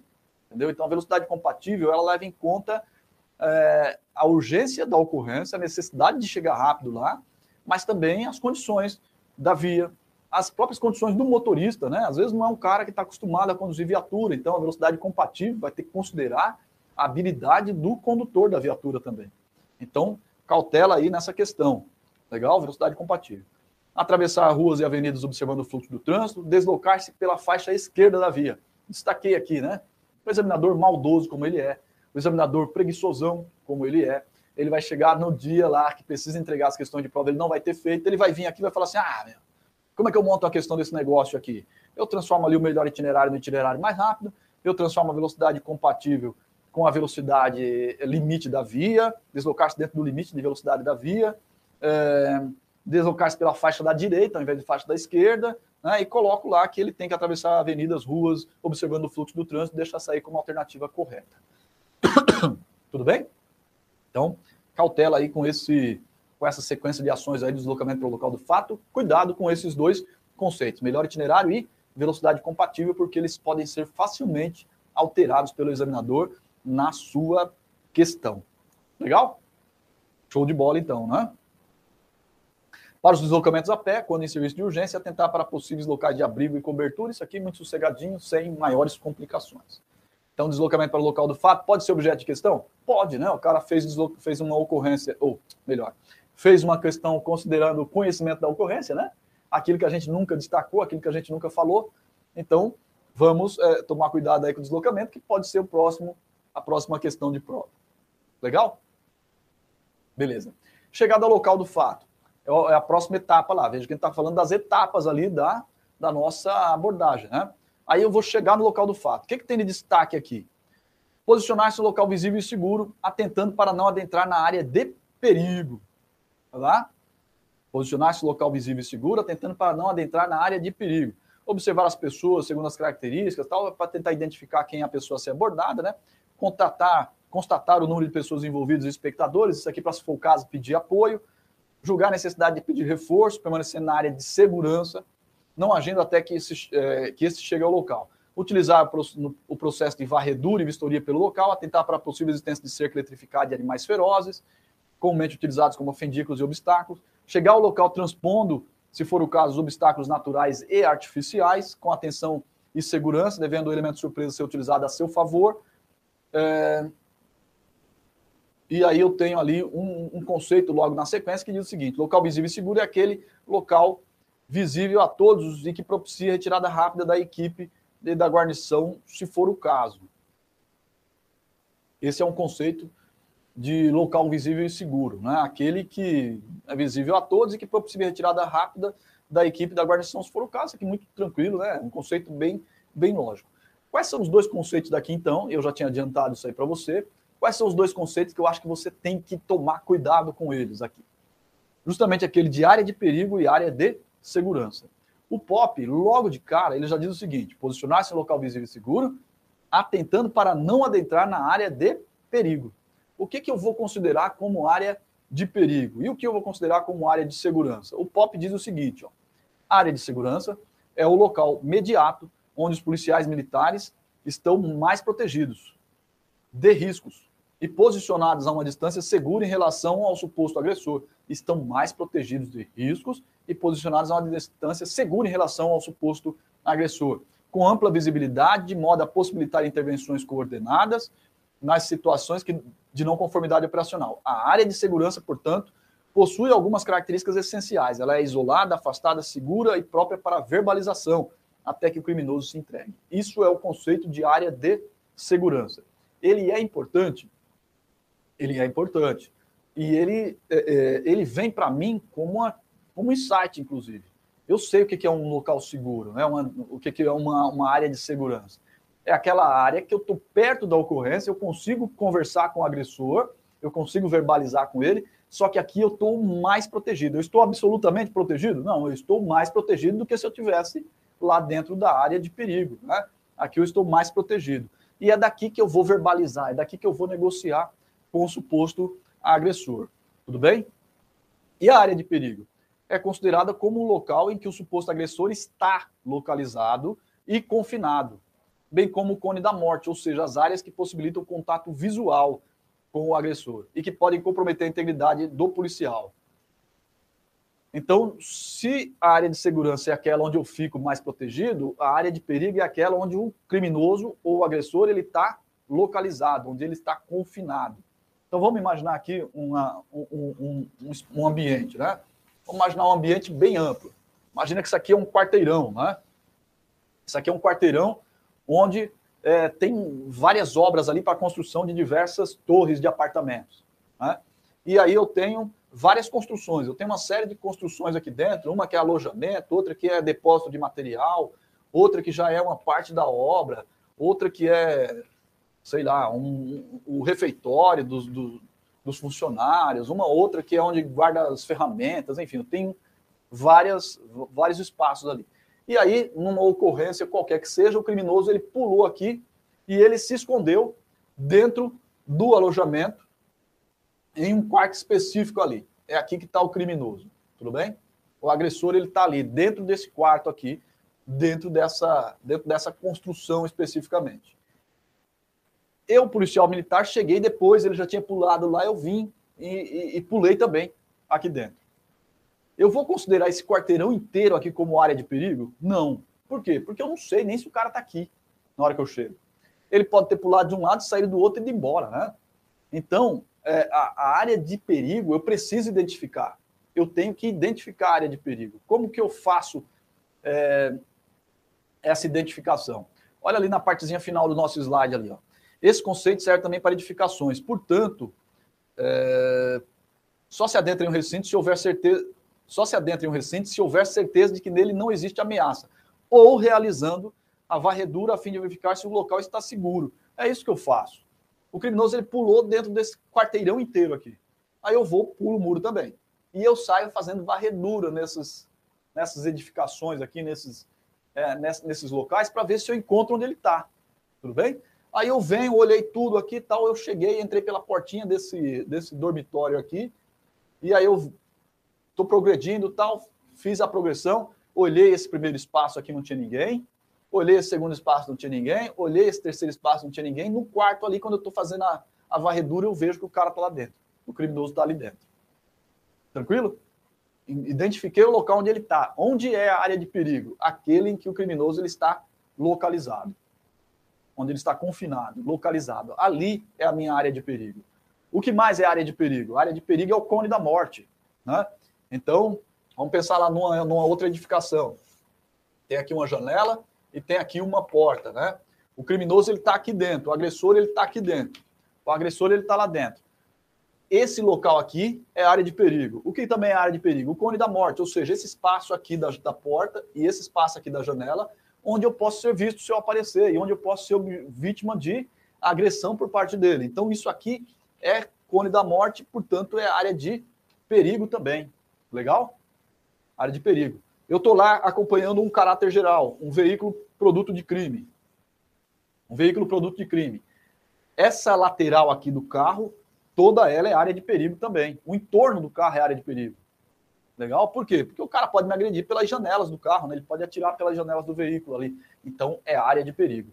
A lateral do veículo, tal, tudo isso aí é área de perigo. Eu não me aproximo dela, senão fazendo lá tomada de ângulo, a varredura, para ver se o interior tá, tá vazio de fato.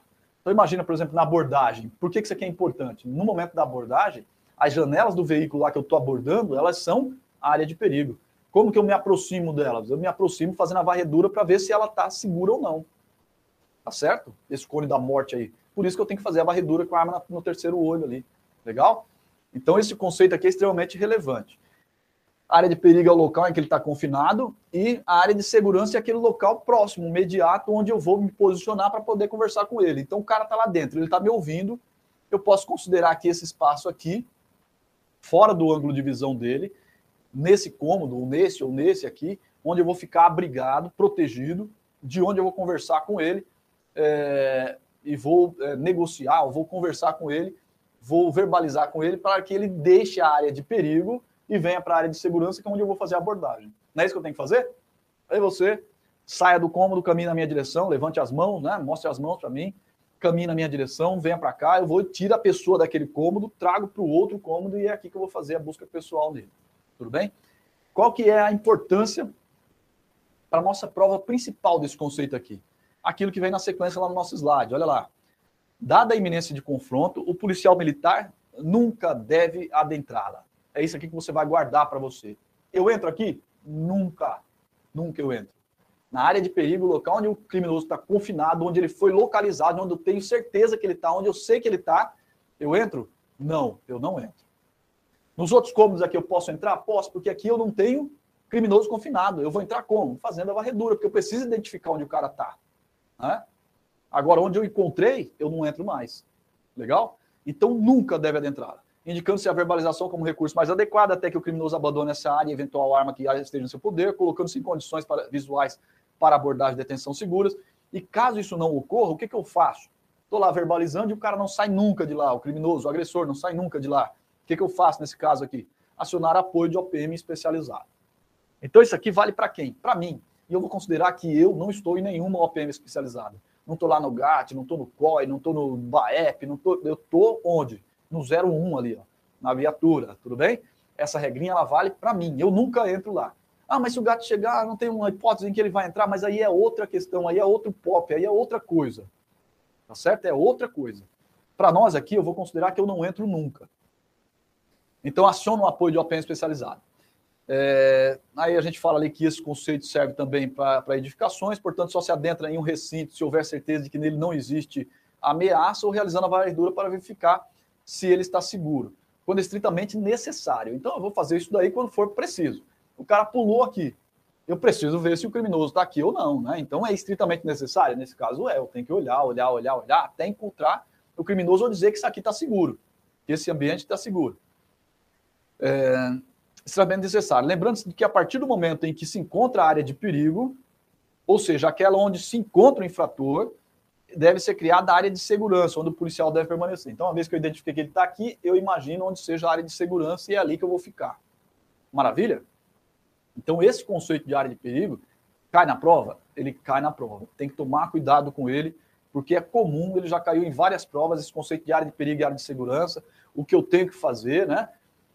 Estou é, lá, estou verbalizando com o criminoso, ele não sai de lá de dentro de jeito nenhum. Eu peço apoio do CGP, CFP, todo mundo está lá verbalizando com ele, negociando, está contido ali num determinado local e ele não sai. Peço apoio de OPM especializado. Aí eu entro se eu tiver escudo? Não, não entro. Eu entro se eu tiver apoio do CFP? Não. Eu entro se eu tiver apoio da Força Tática? Não, eu não entro nem com apoio de ninguém. Se alguém for entrar, é a OPM especializada e isso aí é outro pop. Legal? Eu não entro nunca. Maravilha? É isso que eu tenho que guardar para a prova. Tudo bem? Vamos dar uma olhadinha. Eu acho que até coloquei uma questão aqui sobre, sobre área de perigo. Ah, não, ficou longe demais. Eu trago, então, no nosso próximo encontro, eu trago aí uma questãozinha sobre área de perigo e área de segurança. Legal? Tá ótimo, então. É, vamos, então, falar especificamente do nosso, do nosso POP. Então, a, é, é, essa questão aí da área de, de perigo e área de segurança, ela é relevante, como eu disse, ela caiu em várias provas, né? Eu vou trazer depois uma questão para você, mais de uma até, relativa a, a, esse, a esse conceito especificamente. Eu achei até que eu tinha colocado aqui no slide e acabei não pondo.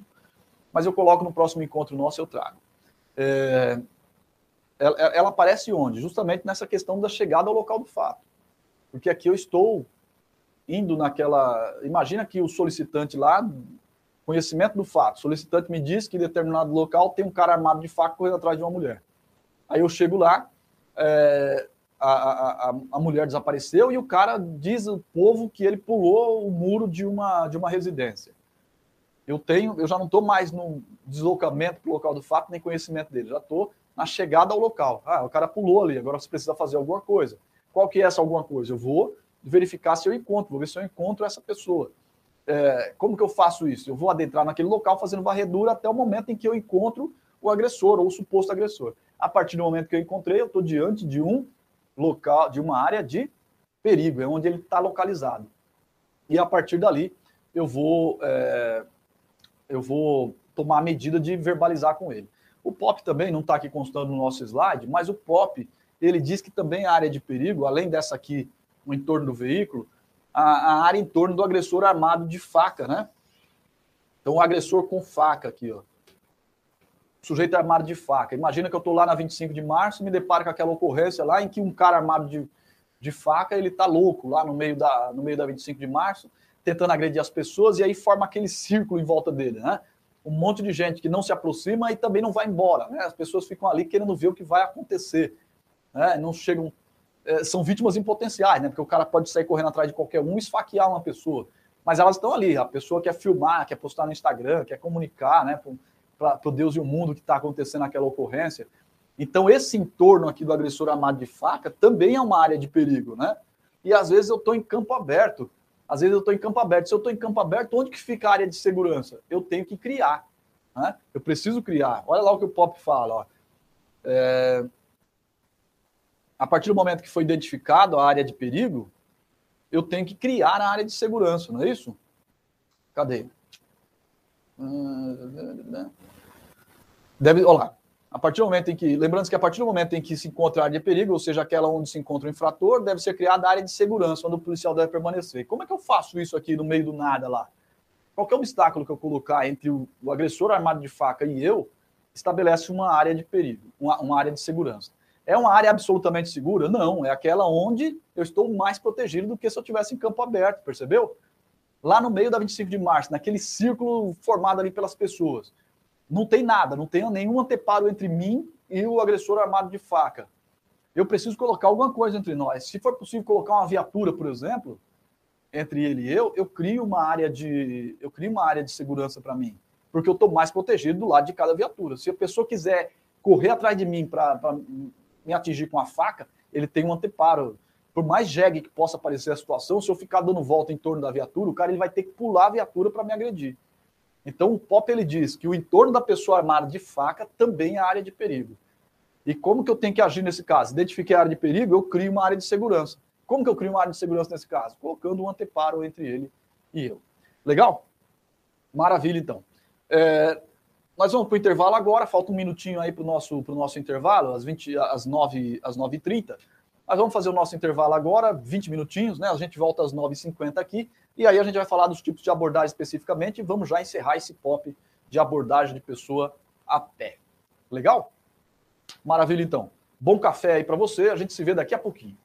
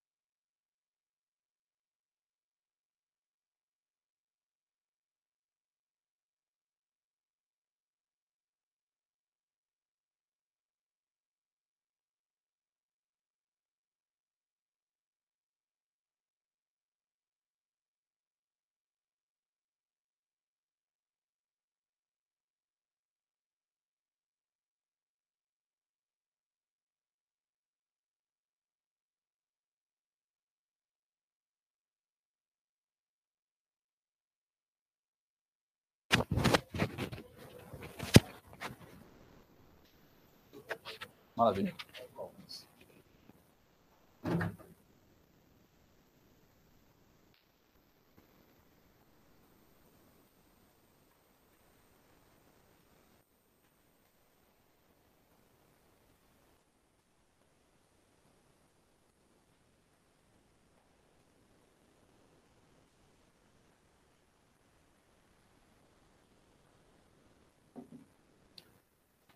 Bom, olá. Vamos nessa? Estamos de retorno, então, depois do nosso, do nosso breve intervalo, né? 20 minutinhos passam que a gente nem vê, né? 20 minutinhos passam bem rapidinho. É, nós estamos, então, falando sobre pop de abordagem de pessoa a pé, dentro do nosso programa de matérias aí é, é, voltado ao preparatório para o concurso de sargentos. Nós falamos até agora, então, sobre é, o conhecimento da ocorrência, deslocamento para o local do fato, chegada ao local do fato, e aí, dentro dessa ideia de chegada do local do fato, nós falamos ali sobre os conceitos de área de segurança e área de perigo, que eu falei para você que está caindo muito em prova, né? Esses dois conceitos, eles constam de vários POP, né? Então, você estudou uma vez, está valendo para todo POP. Então, se dá, é, é, busca a abordagem a veículo, vai ter o POP, vai ter, vai ter o conceito de área de perigo área de segurança. Vai estudar outros POPs por aí, vai ter esses dois conceitos de novo. Então, vale a pena é, saber do que se trata e é, entender né, como que isso daí funciona em termos de prova. Basta eu saber que na área de perigo eu não entro de modo nenhum, né, em hipótese alguma, que eu vou verbalizar, vou fazer com que o criminoso saia, o agressor saia da área de perigo, e se ele não sair, eu vou pedir apoio é, do CFP e do CGP, e se eles chegarem, nós vamos continuar verbalizando, e se não der certo, nós vamos pedir apoio de um PM especializada, mas nós não vamos entrar nunca. Legal? Agora, então, vamos partir para a abordagem em si. Né?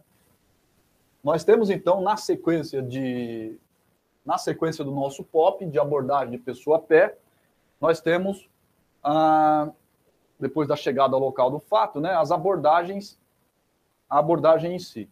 Se a gente voltar um pouquinho lá, só para a gente ter uma ideia aqui, olha lá. Então, nós falamos do conhecimento, nós falamos do deslocamento, da chegada ao local. Agora, falando da abordagem, inicialmente tem lá a localização da pessoa a ser submetida à abordagem. Isso daí é, é uma partezinha bem, bem singela do POP, que só vai dizer que você precisa identificar quem que é a pessoa que vai ser abordada. E depois eu tenho a abordagem, a pessoa especificamente, e a busca pessoal. Então, são dois momentos ali da abordagem em si a abordagem da pessoa e a busca pessoal. Nós vamos falar desses dois agora na sequência, legal? Veja só, dentro dos esclarecimentos ali, é, é talvez a parte mais, mais relevante né, do POP de, de abordagem de pessoa a pé, eu tenho é, essa distinção entre os tipos de abordagem. Eu começo pelos esclarecimentos porque fica mais fácil da gente compreender a dinâmica da abordagem em si. Né? Nós temos três tipos de, de, de, abordagem. A abordagem de fiscalização de polícia, a abordagem de pessoas sob fundada suspeita e a abordagem do infrator da lei. Isso tem que estar claro na sua cabeça, porque a forma como eu vou abordar depende de eu saber identificar essas três situações é, estanques aí no tempo. Né? A abordagem da pessoa sob fiscalização de polícia é uma abordagem de natureza eminentemente administrativa.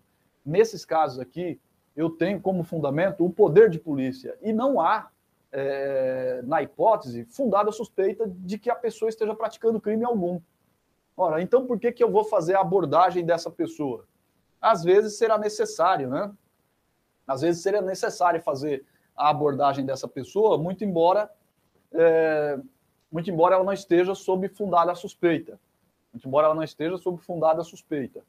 É, imagina uma hipótese, por exemplo, que eu estou indo no apoio da que eu estou indo em apoio do, do, da vigilância sanitária ou no apoio do Procon para fazer a fiscalização de bares que vendem bebida alcoólica para menores de idade.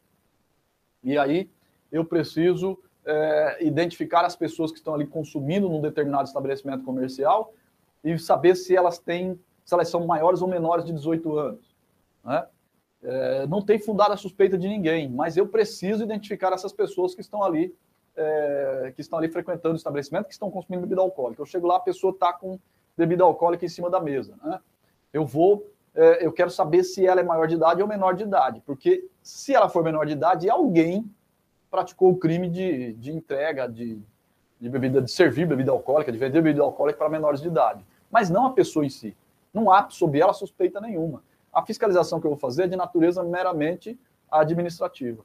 Né? Então, não preciso dar, verbalizar para ela colocar a mão na cabeça, fazer a busca pessoal nessa pessoa, porque o que eu quero saber é se ela é maior ou menor de idade. Compreendeu? É uma, é uma, é uma abordagem que é eminentemente administrativa. É a mesma abordagem que eu faço do condutor do veículo, que a polícia rodoviária, que o policial militar rodoviário ele faz, quando ele quer simplesmente fazer a fiscalização de trânsito, verificar se o, se o veículo tem, está com a documentação em dia, se o condutor está com a documentação em dia, é, se o condutor ele está é, conduzindo sob efeito de bebida alcoólica. Então, ele não precisa fazer abordagem de busca pessoal em todos os abordagens. Ele vai fazer uma abordagem de fiscalização administrativa unicamente baseada ali no poder de polícia é a mesma abordagem que eu faço nos torcedores na entrada do.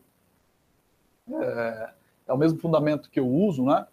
Para fazer a busca no, no, no, no, torcedor que vai entrar no estádio. Né? Então, vou lá e faço a busca dele. Pode ver que a busca é feita de forma diferente. Né? Eu não mando colocar a mão na cabeça e lá para o anteparo, não faço a busca da mesma forma que eu faço em todo mundo. Eu vou lá e faço uma fiscalização muito mais singela. Às vezes, até faço a busca de frente para a pessoa né? Então é diferente, é uma forma diferente de atuar. É uma forma diferente de atuar. Então, essa é a primeira forma de abordagem, a fiscalização de polícia. Quais são as características dela? Que eu não faço busca pessoal, que eu não vou fazer a busca pessoal e que a pessoa ela não está sob fundada suspeita. Legal? A busca, a abordagem a pessoa sob fundada suspeita, ela antecede a busca pessoal, prevista lá no artigo 240, parágrafo 2 do CPP. Né? Então, é, essa, essa abordagem da pessoa sob fundada suspeita é aquela que eu faço quando eu pretendo fazer a busca pessoal. Então, abordagem e busca pessoal são dois momentos distintos, né? Eu abordo a pessoa sob fiscalização de polícia, mas eu não faço busca pessoal. Na abordagem de pessoa sob fundada suspeita, vai ter a busca pessoal. Na abordagem de pessoa infratora da lei, vai ter busca pessoal também. Então, são dois momentos distintos. Legal? Por isso que o POP trata de forma diferente. Uma coisa é abordagem, outra é busca pessoal. Legal? Tá ótimo. Então, nos casos em que eu suspeito que a pessoa está portando objetos, produtos de crime, que a pessoa é procurada da justiça, que a pessoa acabou de praticar algum crime e fugiu, nessas hipóteses eu estou diante da abordagem de pessoas sob fundada suspeita. A abordagem do infrator da lei se dá naqueles casos em que eu tenho, olha lá, certeza ou forte suspeita de que a pessoa seja procurada, é, é, ela esteja no local de crime ou próximo a ele, ou ainda ela esteja com objetos que é, sejam produtos de crime. Aqui eu tenho uma certeza ou a forte suspeita. É diferente daquela fundada suspeita apenas, que é uma que é uma, uma, uma, uma fundada suspeita de que a pessoa esteja praticando o crime, ou tenha praticado o crime, ou esteja portando objeto. No outro caso, não. Eu já tenho uma, uma, uma suspeita que é quase uma certeza, ou eu tenho a certeza em si a pessoa foi identificada como criminoso, ela está atuando como criminosa, né? eu visualizo que ela está portando uma arma, é um momento diferente, tudo bem? É uma situação diferente. Então, tenho três tipos de abordagem. E conforme o tipo de abordagem que eu vou fazer, a minha postura é diversa. Né? O, o POP ele estabelece ali, olha só, as distinções entre cada tipo de abordagem. Então, eu fiz uma, é, eu coloquei nessa primeira coluna aqui do nosso slide, que tem aí na sua tela, nessa primeira coluna aí do lado, do lado esquerdo do slide, é, eu coloquei ali um, dois, três, quatro, cinco aspectos que podem diferenciar de uma abordagem para outra. A distância de verbalização, a posição de armas, a posição do abordado em si, a posição do policial militar que está na segurança e a arma de quem faz a busca pessoal. Né? A condição da arma de quem vai fazer a busca pessoal especificamente. É, o primeiro aspecto, que é aquele da distância da verbalização, ele é o mesmo independente do tipo de abordagem que eu vou fazer. Se eu vou abordar uma pessoa sob fiscalização de polícia, eu vou verbalizar com ela a uma distância de 5 metros. O agressor, o infrator da lei, eu também vou verbalizar com ele a uma distância de 5 metros, assim como na fundada suspeita. Então, aqui é uma informação que não varia. É, o examinador ele pode eventualmente querer distinguir. Ele fala assim: olha, se você for verbalizar com alguém para uma abordagem de pessoas sob fiscalização de polícia, você verbaliza 3 metros. Para uma pessoa, é, é para um crime, para uma pessoa infundada suspeita, eu vou verbalizar 5 metros. E para o agressor da lei, eu vou verbalizar 7 metros, a 8, 10 metros. Está errado, né? Eu verbalizo sempre a 5 metros de distância. Inclusive, daqui a pouco nós vamos ver o POP de abordagem a veículo. E aí você vai ver que a distância que eu paro a viatura do veículo é de 5 metros também. Tá certo? Então, eu paro a viatura a uma distância de 5 metros, por quê? Porque essa é a distância de verbalização. É a mesma em todas as hipóteses, então. Legal? A posição de arma é a, a principal variante nos tipos de abordagem. Se eu vou abordar uma pessoa sob fiscalização de polícia, não há nenhuma fundada suspeita de que ela seja criminoso, eu vou estar com a minha arma no coldre. Não tem por que apontar a arma para essa pessoa. Não tem por que lá no bar eu apontar a arma para aquela, aquela pessoa que eu só quero saber se ela é maior de idade ou menor de idade. Não tem razão para eu apontar a arma para ela ou colocar a arma na posição sul. Sacar a minha arma nesses casos. Da mesma forma, se eu vou abordar uma pessoa na fiscalização de trânsito, não tem porque eu sacar minha arma e ficar na posição sul. Eu vou fazer a abordagem com a arma no coldre. Eu vou, vou ter é, é, preocupação com a minha segurança? Óbvio que eu vou ter. No entanto, eu não preciso sacar a arma do meu coldre. Tudo bem? Na abordagem de pessoa sob fundada suspeita, eu vou sacar a minha arma. No entanto, eu não vou apontar para a pessoa, eu vou mantê-la na posição sul. Seja a posição sul coberta, descoberta, tanto faz. Mas eu vou fazer eh, vou adotar a posição sul do armamento. Já no infrator da lei, como eu tenho certeza, ou uma quase certeza, de que ele é o criminoso que eu procuro, a minha arma vai estar na posição de terceiro olho, que é aquela em que, que a arma fica né, apontada para o criminoso e na direção ali dos meus, dos meus olhos. Né? Diz lá o método Giraldo, com os dois olhos abertos, o cano da arma, o, a saída do cano ali seria o terceiro olho. Né? Então é a posição de terceiro olho. Essa é a principal variante que tem dos tipos de abordagem. A posição do abordado. Na fiscalização, na abordagem de pessoas sob fiscalização de polícia, o POP ele não estabelece uma posição que o abordado vai ficar. Então, por exemplo, é, é, ele fala assim que você vai se aproximar da pessoa, vai se identificar, vai verbalizar com ela para que ela se identifique e tal, mas ela não diz assim, por exemplo, que você vai falar para a pessoa ficar com as duas mãos para trás, né, na altura da coluna lombar. Ele não fala que você vai mandar a pessoa ficar de pé, que ela vai ficar sentada. Ela não diz, por exemplo, nesse bar aqui, se eu preciso mandar a pessoa ficar de pé ou se ela pode continuar sentada. Não há essa previsão no POP de posição do abordado. No caso do POP, de, de abordagem de pessoas sob fundada suspeita, aqui ele estabelece, o POP ele estabelece uma posição. Ele diz que o sujeito vai ficar de pé, de costas para mim, com as mãos na cabeça e com os dedos entrelaçados. A mão onde? Na cabeça e com os dedos entrelaçados, né? Tem que tomar cuidado aqui. Por quê? Porque o sujeito ele só vai descer a mão para a nuca quando eu vou fazer a busca pessoal dele. Então, na hora da busca pessoal, que eu vou segurar a mão do, da pessoa, eu vou trazê-la para a nuca. Isso aí está lá no POP de busca pessoal. Quer dizer que até então ele estava com as mãos onde? Sob a cabeça. Então, é as mãos na cabeça e dedos entrelaçados. Ah, é minúcia, é detalhe. É sim, mas eventualmente pode ser a minúcia, detalhe que vai fazer diferença na prova, né? Se o examinador ele coloca que a pessoa vai estar em pé, de costas, com as mãos na nuca e com os dedos entrelaçados, eu já tenho que ficar de olho. Eu falo assim, meu, não é na nuca ainda, é na cabeça. Aí vai que não tem mais nenhuma outra assertiva mais correta que essa. Eu vou assinalar essa como certa, mas sabendo que ali tem uma brecha para recurso, né? Porque o Pop ele fala com as mãos na cabeça. E ele diz que depois, na hora que eu vou fazer a busca, aí eu trago as mãos da pessoa a ser revistada para a nuca. Tudo bem? Maravilha.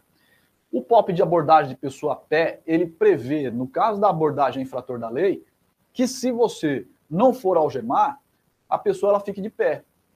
Mas que se você for algemar, que ela vai estar ajoelhada, olha lá, de joelhos e com as pernas cruzadas. Joelho e com as pernas cruzadas. Então tem a previsão das duas formas da posição do abordado no POP de abordagem de pessoa a pé. Talvez isso aqui se altere futuramente, mas por enquanto é essa previsão que existe, né? É, ou seja, significa que eu não vou algemar todo o infrator da lei, né? Até porque a súmula vinculante, número 11 lá do STF, ela diz que eu só vou aplicar algemas se houver né, resistência, se houver tentativa de fuga, enfim, naquelas hipóteses em que é, é, há, uma, uma, uma, uma, resistência da pessoa presa. Né? Tem situações em que eu vou abordar o infrator da lei, mas que eu não vou empregar algema, pelo menos no texto, pelo menos no texto da súmula pelo menos no texto da norma. Né? Então, se eu for algemar, eu vou colocar a pessoa de joelhos, com as pernas atrás, da, com as pernas cruzadas, né? De joelhos com as pernas cruzadas, e aí eu vou algemá-la e só depois que eu vou fazer a busca pessoal. Tudo bem? Se eu não for algemar, ele se mantém de pé da mesma forma que a pessoa sob fundada suspeita. É assim que está no POP. Legal? Cuidado mais uma vez aqui. Aqui vale o que está no POP e não o jeito que você faz. Toma cuidado com isso. Né? Não é a prática cotidiana, é o que está no POP que importa para a gente em termos de prova. Legal? Beleza. E a posição de segurança? É, na fiscalização, na abordagem de pessoas sob fiscalização de polícia, não consta a posição de segurança. Não fala que ele vai ficar 90 graus a uma distância de tantos metros. Já no POP de, é, de pessoas sob fundada suspeita e abordagem de infrator da lei, ele prevê que o segurança ele vai ficar a 90 graus e a uma distância de 2 metros. Tudo bem? A uma distância de 2 metros. Isso aí significa o quê? Que, como regra, eu vou ter o quê? Eu vou ter lá um anteparo, né? vou ter a pessoa que está sendo submetida à abordagem, essa pessoa vai estar tá aqui, de preferência de frente para um anteparo, né, de costas para mim, e eu vou fazer a e aqui tem um policial militar que vai fazer a busca a busca pessoal. É esse que vai fazer a busca. O segurança vai estar tá ali numa posição em que ele tem a visão de 360 graus, né? Ele vai estar tá fazendo a segurança de 360 graus e ele vai estar num ângulo de 90 graus em relação ao PM que faz a busca e em relação ao abordado. Tudo bem? É esse ângulo de 90 graus aqui. O abordado é o como se fosse o, é, o vértice ali desse ângulo, né? De 90 graus. Então ele está fazendo a segurança aqui, um ângulo de 90 graus que tem como vértice ali o abordado, e essa distância aqui entre o abordado e o segurança, ela é uma distância de 2 metros. Tudo bem? Distância de 2 metros. Então é esse desenho aí que nós temos com relação ao segurança. A arma de quem faz a busca pessoal, ela deve estar sempre no coldre e o coldre abotoado, né? Não tem essa previsão no POP de fiscalização é, de, de, abordagem a pessoa sob fiscalização de polícia, porque naturalmente eu não tenho busca pessoal, então né, não, não vai, é, não há essa previsão. Mas de qualquer modo, o, aquele policial que vai fazer a busca, a partir do momento que o sujeito está colocado na posição de busca pessoal, ele deve colocar a arma dele no coldre e o coldre deve estar abotoado. Né? Ah, a gente sabe disso, tudo bem, mas um dia o examinador ele vai colocar lá que a arma vai estar no coldre e o coldre desabotoado. Ele vai meter um des ali na frente e vai ficar errada a assertiva da prova, tá certo? Então vale a pena a gente repetir aqui. Arma no coldre, coldre abotoado. Legal? Pop de abordagem de pessoa a pé, sequência de ações é isso aqui. Essa é a sequência das ações no pop de abordagem de pessoa a pé. Tudo bem? Legal? Maravilha. Ah, essa é a sequência de ações, então. Toda aquela parte ali que fala lá de como que vai fazer abordagem de pessoa sob fiscalização de polícia, abordagem de pessoa em atitude suspeita, abordagem de pessoa infratora da lei. Vai, o, o, POP ele fica repetindo, né? O POP ele fica repetindo. Ah, distância de 5 metros, verbaliza, fala para a pessoa caminhar na sua direção, fala não sei o quê, como que você encerra. Então ele repete um monte de coisas. O que importa para gente é a essência do negócio para a prova. E a essência está exatamente aqui. Se você lê uma abordagem, você sabe como faz as outras, com essas distinções aqui que a gente colocou no quadro aí. Maravilha? É nelas que você tem que tomar cuidado. Dentro dos esclarecimentos desse POP, tem mais, é, mais dois conceitos ali que a gente precisa deixar, deixar destacado aqui para você. O conceito de superioridade numérica e de superioridade de meios. Eles caem bastante em prova? Não, mas uma hora ou outra pode ser cobrado. Né? Quando a gente fala de superioridade numérica, eu tenho como a adequação do número de policiais empregados em um procedimento operacional, de maneira que sejam garantidas as melhores condições de segurança, visando a preservação da integridade física de todos os envolvidos na ação. Superioridade numérica, portanto, é um juízo de adequação, assim como a superioridade de meios também é um juízo de adequação, é, que considera a necessidade que eu tenho de, de policiais para realizar o POP e a necessidade de segurança que eu tenho. Então, superioridade numérica não significa que eu só posso abordar um número menor de pessoas em relação ao número de policiais. Senão, não teria como um, é, é, uma equipe formada por dois policiais abordar um veículo com três ocupantes, com quatro ocupantes, e a gente aborda. Né? Eu abordo por quê? Porque nas situações concretas eu considero que dois policiais conseguem, com segurança, fazer a abordagem, a busca pessoal em quatro ocupantes de um veículo. Tá certo? Então, a superioridade numérica é essa adequação do número de policiais empregados no procedimento, é, de forma a garantir que ele seja feito de forma correta, de modo correto e seguro. Tranquilo? Superioridade de meios. É a adequação da quantidade de meios a serem disponibilizados para a resolução de um procedimento operacional padrão a ser desenvolvido pelos policiais, de modo que, neste desenvolvimento, a resposta seja proporcional à quantidade de meios apresentados pelos infratores, evitando-se excessos. Então, aqui está falando assim, o que é superioridade de meios? Quer dizer que eu tenho que ter sempre mais? Não, quer dizer que eu tenho que ter uma resposta proporcional. Superioridade dá uma ideia de maior, né? Dá uma ideia de mais, dá uma ideia de... Uh, dá uma ideia de que eu preciso ter sempre condições maiores do que aquelas do, do, da outra parte, né? Seja superioridade numérica ou de meios. E, na verdade, aqui a gente fala de adequação. Uma adequação proporcional de efetivo ou uma adequação proporcional de meios à exigência do procedimento em si. Tá certo? Então, tem que tomar muito, muita cautela com isso. É, é possível dois policiais militares abordarem quatro, quatro abordados? Sim. Abordarem quatro pessoas e fazer a busca? Sim, é possível. É possível e o, o POP, inclusive, prevê o que eu faço se eu abordar mais pessoas do que policiais, do que eu tenho de policiais, né? Tudo bem? Então, cuidado com esses dois conceitos aí. Falei deles só para não deixar de, de mencionar. Maravilha. Aí, vamos para a parte, é, a parte mais, mais importante aí do nosso POP de, de abordagem. Nós falamos que tem três tipos de abordagem, falamos da distinção que o POP prevê para cada uma delas, né? Agora, veja, dentro das ações corretivas, eu tenho aspectos extremamente importantes aqui para a gente discutir. O primeiro deles vem aí nesse item 5. Se pelas circunstâncias os policiais militares abordarem indivíduos em quantidade superior ao número de policiais presentes, então veja que é o primeiro aspecto aqui, né? O primeiro aspecto já é justamente esse, né? Eu estou abordando o número de, de, de indivíduos em quantidade superior ao de policiais militares. Então eu falei que é possível isso? É eu sempre vou atuar em superioridade numérica? Sempre vou atuar em superioridade numérica, porque eu vou adequar a quantidade de policiais à quantidade de abordados.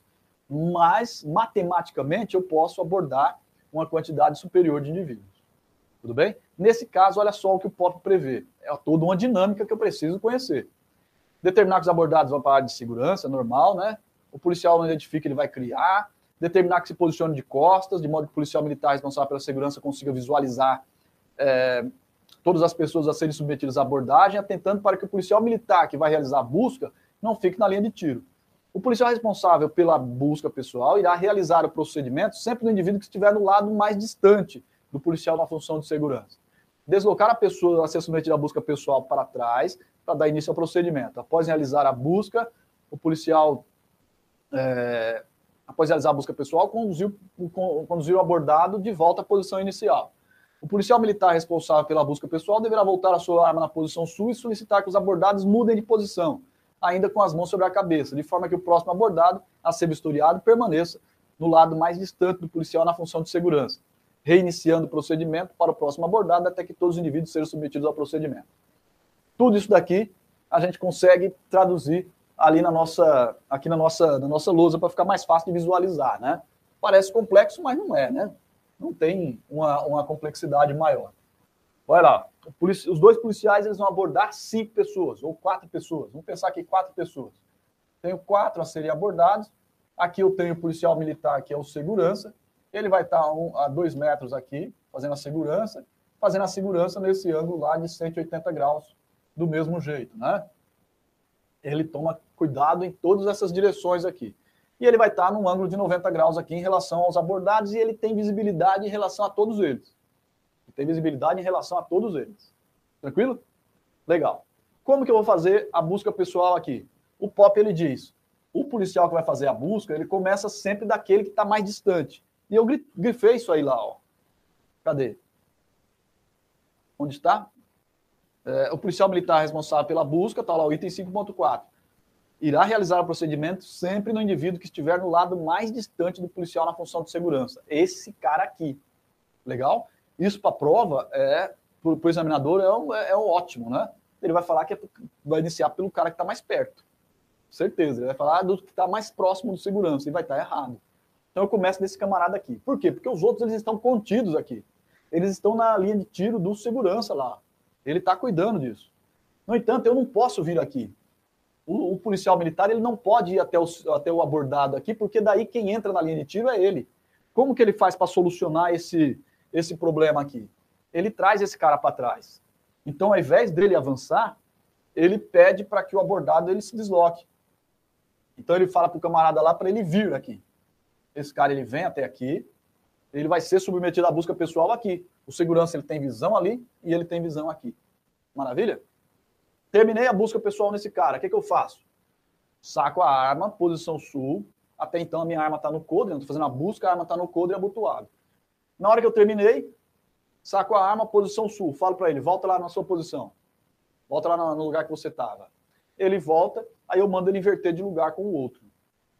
Mando ele inverter de lugar com o outro. Tudo bem? É lógico que na prática a gente não faz desse jeito, mas é assim que o Pop fala para fazer. Na prática, na hora que eu terminei aqui, eu já falo para ele ir lá, né? E aí esses caras vêm para cá. Eu falo, você. Aí o próximo vem. Aí ele vai para onde? Para lá. Aí eu falo, você, vem. Aí eu faço a busca. E eu vou invertendo, né? De forma que o, ali no meio está sempre o cara que, que, que não foi submetido à busca ainda. Então eu vou pedindo para ele trocar de lugar com o outro. É isso que a gente faz né, na prática. Mas o Pop, veja, ele diz assim: ó, o policial militar responsável pela busca deverá voltar à posição sul e solicitar que os abordados mudem de posição conduzir o abordar na posição inicial e solicitar que eles mudem de posição. Então é como se fosse dois momentos. Volta lá, agora troca. Na verdade, a gente faz mais dinâmico, né? mas é assim que o POP prevê. O importante aqui é você ter ideia da lógica do negócio. Da lógica do negócio. Eu começo a abordar por aqui e eu não saio daqui. Eu fico sempre aqui. Os abordados eles estão sempre entre os dois policiais ali. Ó, né? Eu estou sempre tomando cautela para que é, é, a pessoa que está ali, ela não, que não tenha sido submetida à busca pessoal, ela esteja sempre contida. Maravilha? Legal? Tudo bem? Essa é a dinâmica, então, da abordagem a um número superior de indivíduos. É. Os detalhes aqui é que são importantes, né? Na hora que eu vou, eu terminei de fazer a busca pessoal, vou falar para ele voltar para a posição dele, o que, é que eu faço? Saca minha arma, coloco na posição sul. Volta lá na posição que você estava. Aí ele vai. Aí eu falo, agora você, vem. Toque de lugar com ele, você vem aqui. Aí o cara vem, coloca minha arma no coldre, abotou e faça a busca nele. Terminei de fazer a busca, posição sul, volta lá. Vai lá, você agora, vem aqui. E o outro vai para a posição. Compreendeu a, a, dinâmica do negócio? Arma sempre na posição sul para mandar e para trocar. Para devolver para o lugar e para trocar. Maravilha? O examinador ele pode falar o seguinte: ó, o policial militar responsável pela, pela, pela busca pessoal deverá, ainda na, com a arma no coldre, determinar aqui, solicitar que os abordados mudem de posição. Vai estar tá errado. Entendeu a questão? Por isso que o detalhe é importante aqui. Maravilha? Show de bola. Ações corretivas ainda. A questão da posição de arma, ainda mais uma vez aqui. A regra na abordagem da pessoa sob fiscalização de sob fundada suspeita é que a arma vai estar na posição sul. A regra na abordagem de pessoas sob fiscalização de polícia é que a arma vai estar, na, vai estar no coldre. E na do infrator da lei é que a arma vai estar na posição do terceiro olho. No entanto, essa posição de arma ela varia, porque eu tenho aqui uma progressão no uso da arma. Coldre, sul, terceiro olho. Coldre, sul, terceiro olho. É uma progressão do pego da arma de fogo. E é uma progressão conforme o tipo de abordagem. No entanto, essa, essa, essa lógica ela pode variar. E é isso aí que é importante como ação corretiva. Veja só o item 6. Se durante o procedimento de busca pessoal for localizado objeto ilícito em posse de algum dos envolvidos, dos indivíduos, adotar os procedimentos descritos para abordar de pessoa infratora da lei e, na sequência, determinar que todos se ajoelhem, prosseguindo com o procedimento de busca pessoal nos demais indivíduos que ainda não foram submetidos à busca pessoal. Então, aqui imagina, eu estou lá na abordagem de cinco pessoas, certo? Cinco pessoas. Está lá o policial, estou eu aqui. Estou fazendo a busca pessoal aqui neles. Fiz a busca no primeiro, troquei de lugar, tal, chegou o segundo. Quando o camarada vem, eu encontro aqui com ele uma arma, por exemplo. O que, que eu faço nesse caso? Eu mando todo mundo ficar de joelho. Ah, mas tem um cara que já foi feito busca, é de joelho também. Né? Aí aquele outro lá que não tem nada a ver, é de joelho também. Né? De repente eles nem estavam juntos. Eu abordei três que estavam juntos e outros dois que estavam passando porque eu achei que tinha alguma coisa a ver. Todo mundo vai ajoelhar. Né? Isso que é importante. Adotar, olha lá, localiz, for localizado objeto ilícito na posse de algum dos envolvidos, dos indivíduos, adotar os procedimentos descritos para abordagem de pessoa infratora da lei. E, na sequência, determinar que todos se ajoelhem. Então, aqui está bastante claro para a gente, né? Partir do momento que encontrei com um, todo mundo vai se ajoelhar. E a partir dali eu vou fazer a busca pessoal como se fossem infratores da lei. Maravilha? Legal. Se os policiais militares necessitarem algemar um número maior de indivíduos que o número de algemas existentes, aqui também é outra questão importante. Veja que aqui eu tenho cinco pessoas e dois policiais. Eu tenho só duas algemas. Vou ter que, vou ter que algemar, vamos imaginar que eu vou algemar os cinco. Está envolvido no mesmo crime aqui. Como que eu faço isso? O POP ele prevê. Né? O POP ele prevê. É lógico, na prática, eu posso pedir apoio de outra viatura, vem alguém com mais algema, de repente eu tenho uma algema sobressalente na viatura, não sei. Né? Mas pensa que eu estou lá em Rosana, só tem dois policiais em Rosana e o próximo apoio mais perto fica a 60 km de distância, lá em Euclides da Cunha Paulista. Né? E vai demorar para chegar algema. O que, que eu faço para algemar esses outros três caras? Se eu só tenho duas. O POP ele diz assim: ó, poderão utilizar outros objetos que sirvam para imobilizar os braços do infrator. E aí, lá mais embaixo, ele vai falar assim: olha, utiliza cadastro de sapato, corda, enforca gato, o que você quiser. Você algema. Né? Lembro bem de um tempo aí que recolheram boa parte das nossas algemas para colocar número de patrimônio. Não sei se alguém chegou a, a pegar essa época aí. As algemas elas vinham sem número patrimonial e a PM queria colocar número patrimonial em todos. Recolheram lá um monte de algemas. Aí às vezes você saía na equipe com quatro policiais, só tinha um com algema. Que a gente fazia? Levava enforca gato junto. Né? Aí chegava lá, precisava algemar? Enforca gato na mão do cara. O POP ele prevê essa possibilidade. Às vezes a gente pensa que não tem essa, é, é, que não tem essa previsão. Né? E o examinador ele vai pegar isso daqui. Vai falar, olha, em hipótese nenhuma poderão ser utilizados para imobilizar os braços dos abordados, qualquer outro tipo de coisa que não algema. Vai estar errado, tá? Tem previsão? Tem. Tem previsão de algemar com outro objeto que não algema? Tem. Prender os braços. Tá no POP. Beleza? Legal.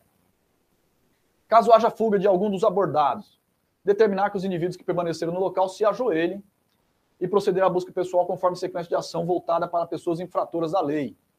Essa é a regra do negócio. Estou abordando aqui cinco indivíduos. Esse camarada aqui correu, fugiu. O que, que eu faço?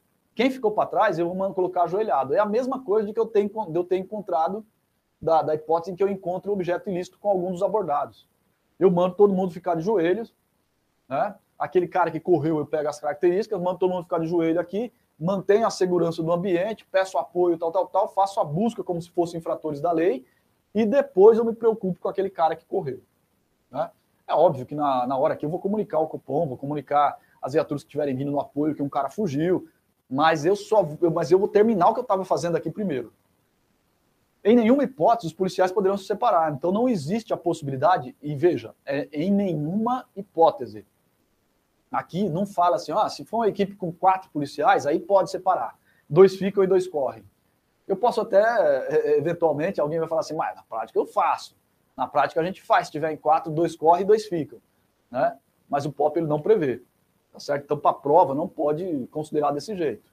Legal? Ah, estou abordando. São quatro policiais, um cara correu. Aí eu vou, dois vão e dois ficam.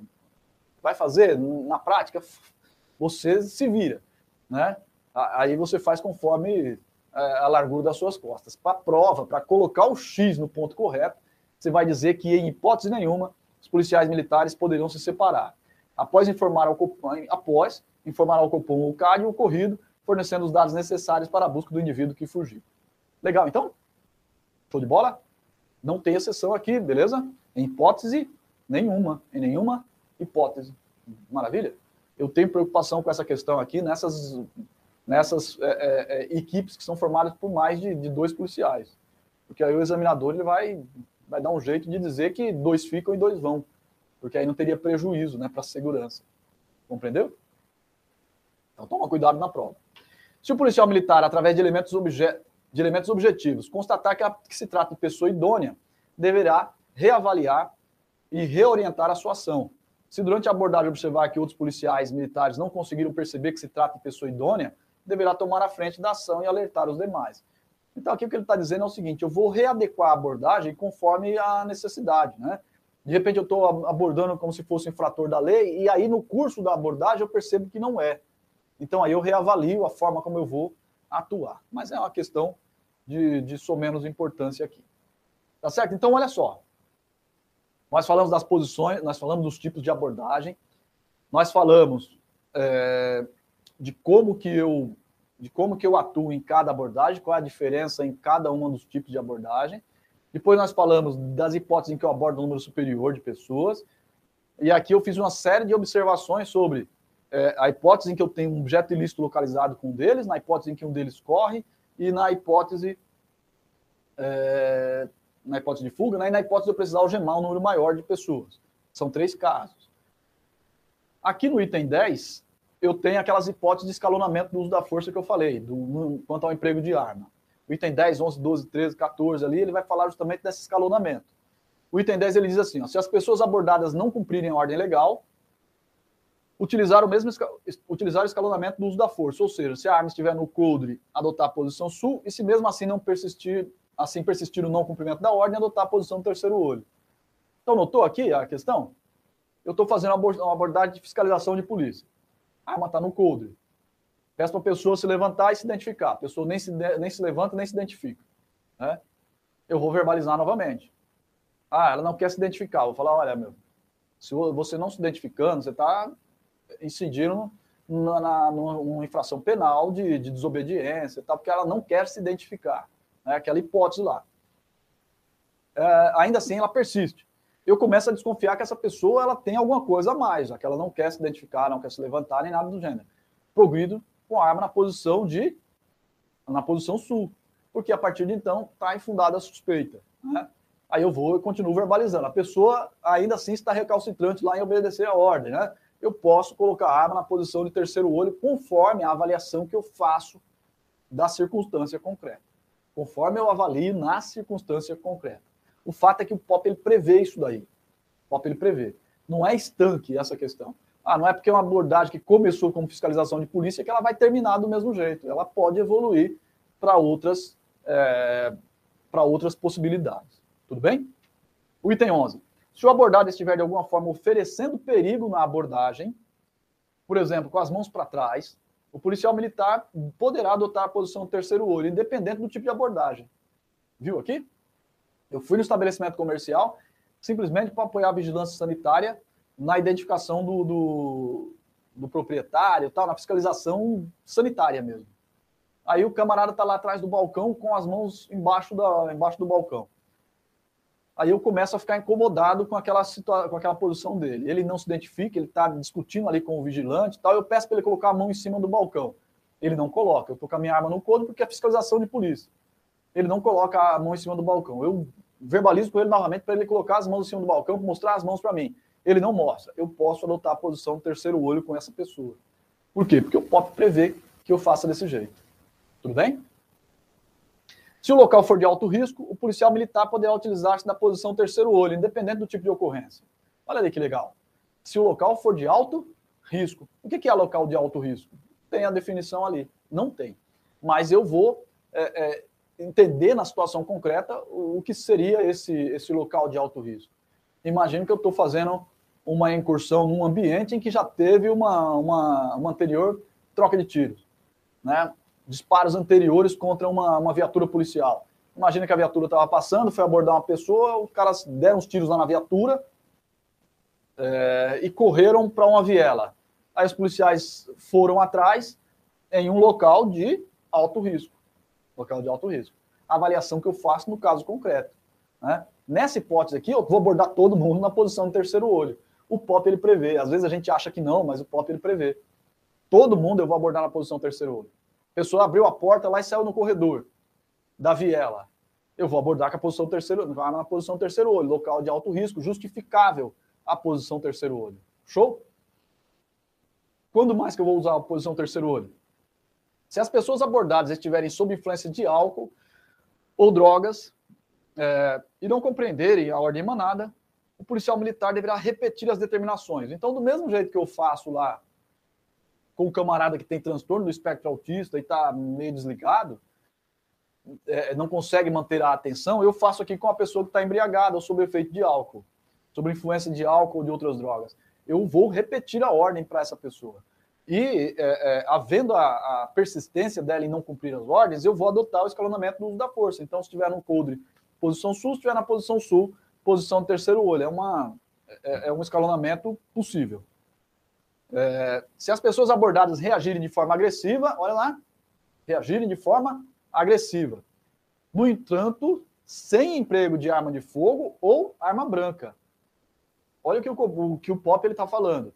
Se o cara reagir de forma agressiva, empregando arma de fogo ou arma branca, eu fujo do Pop. Saiu daqui da regra do Pop.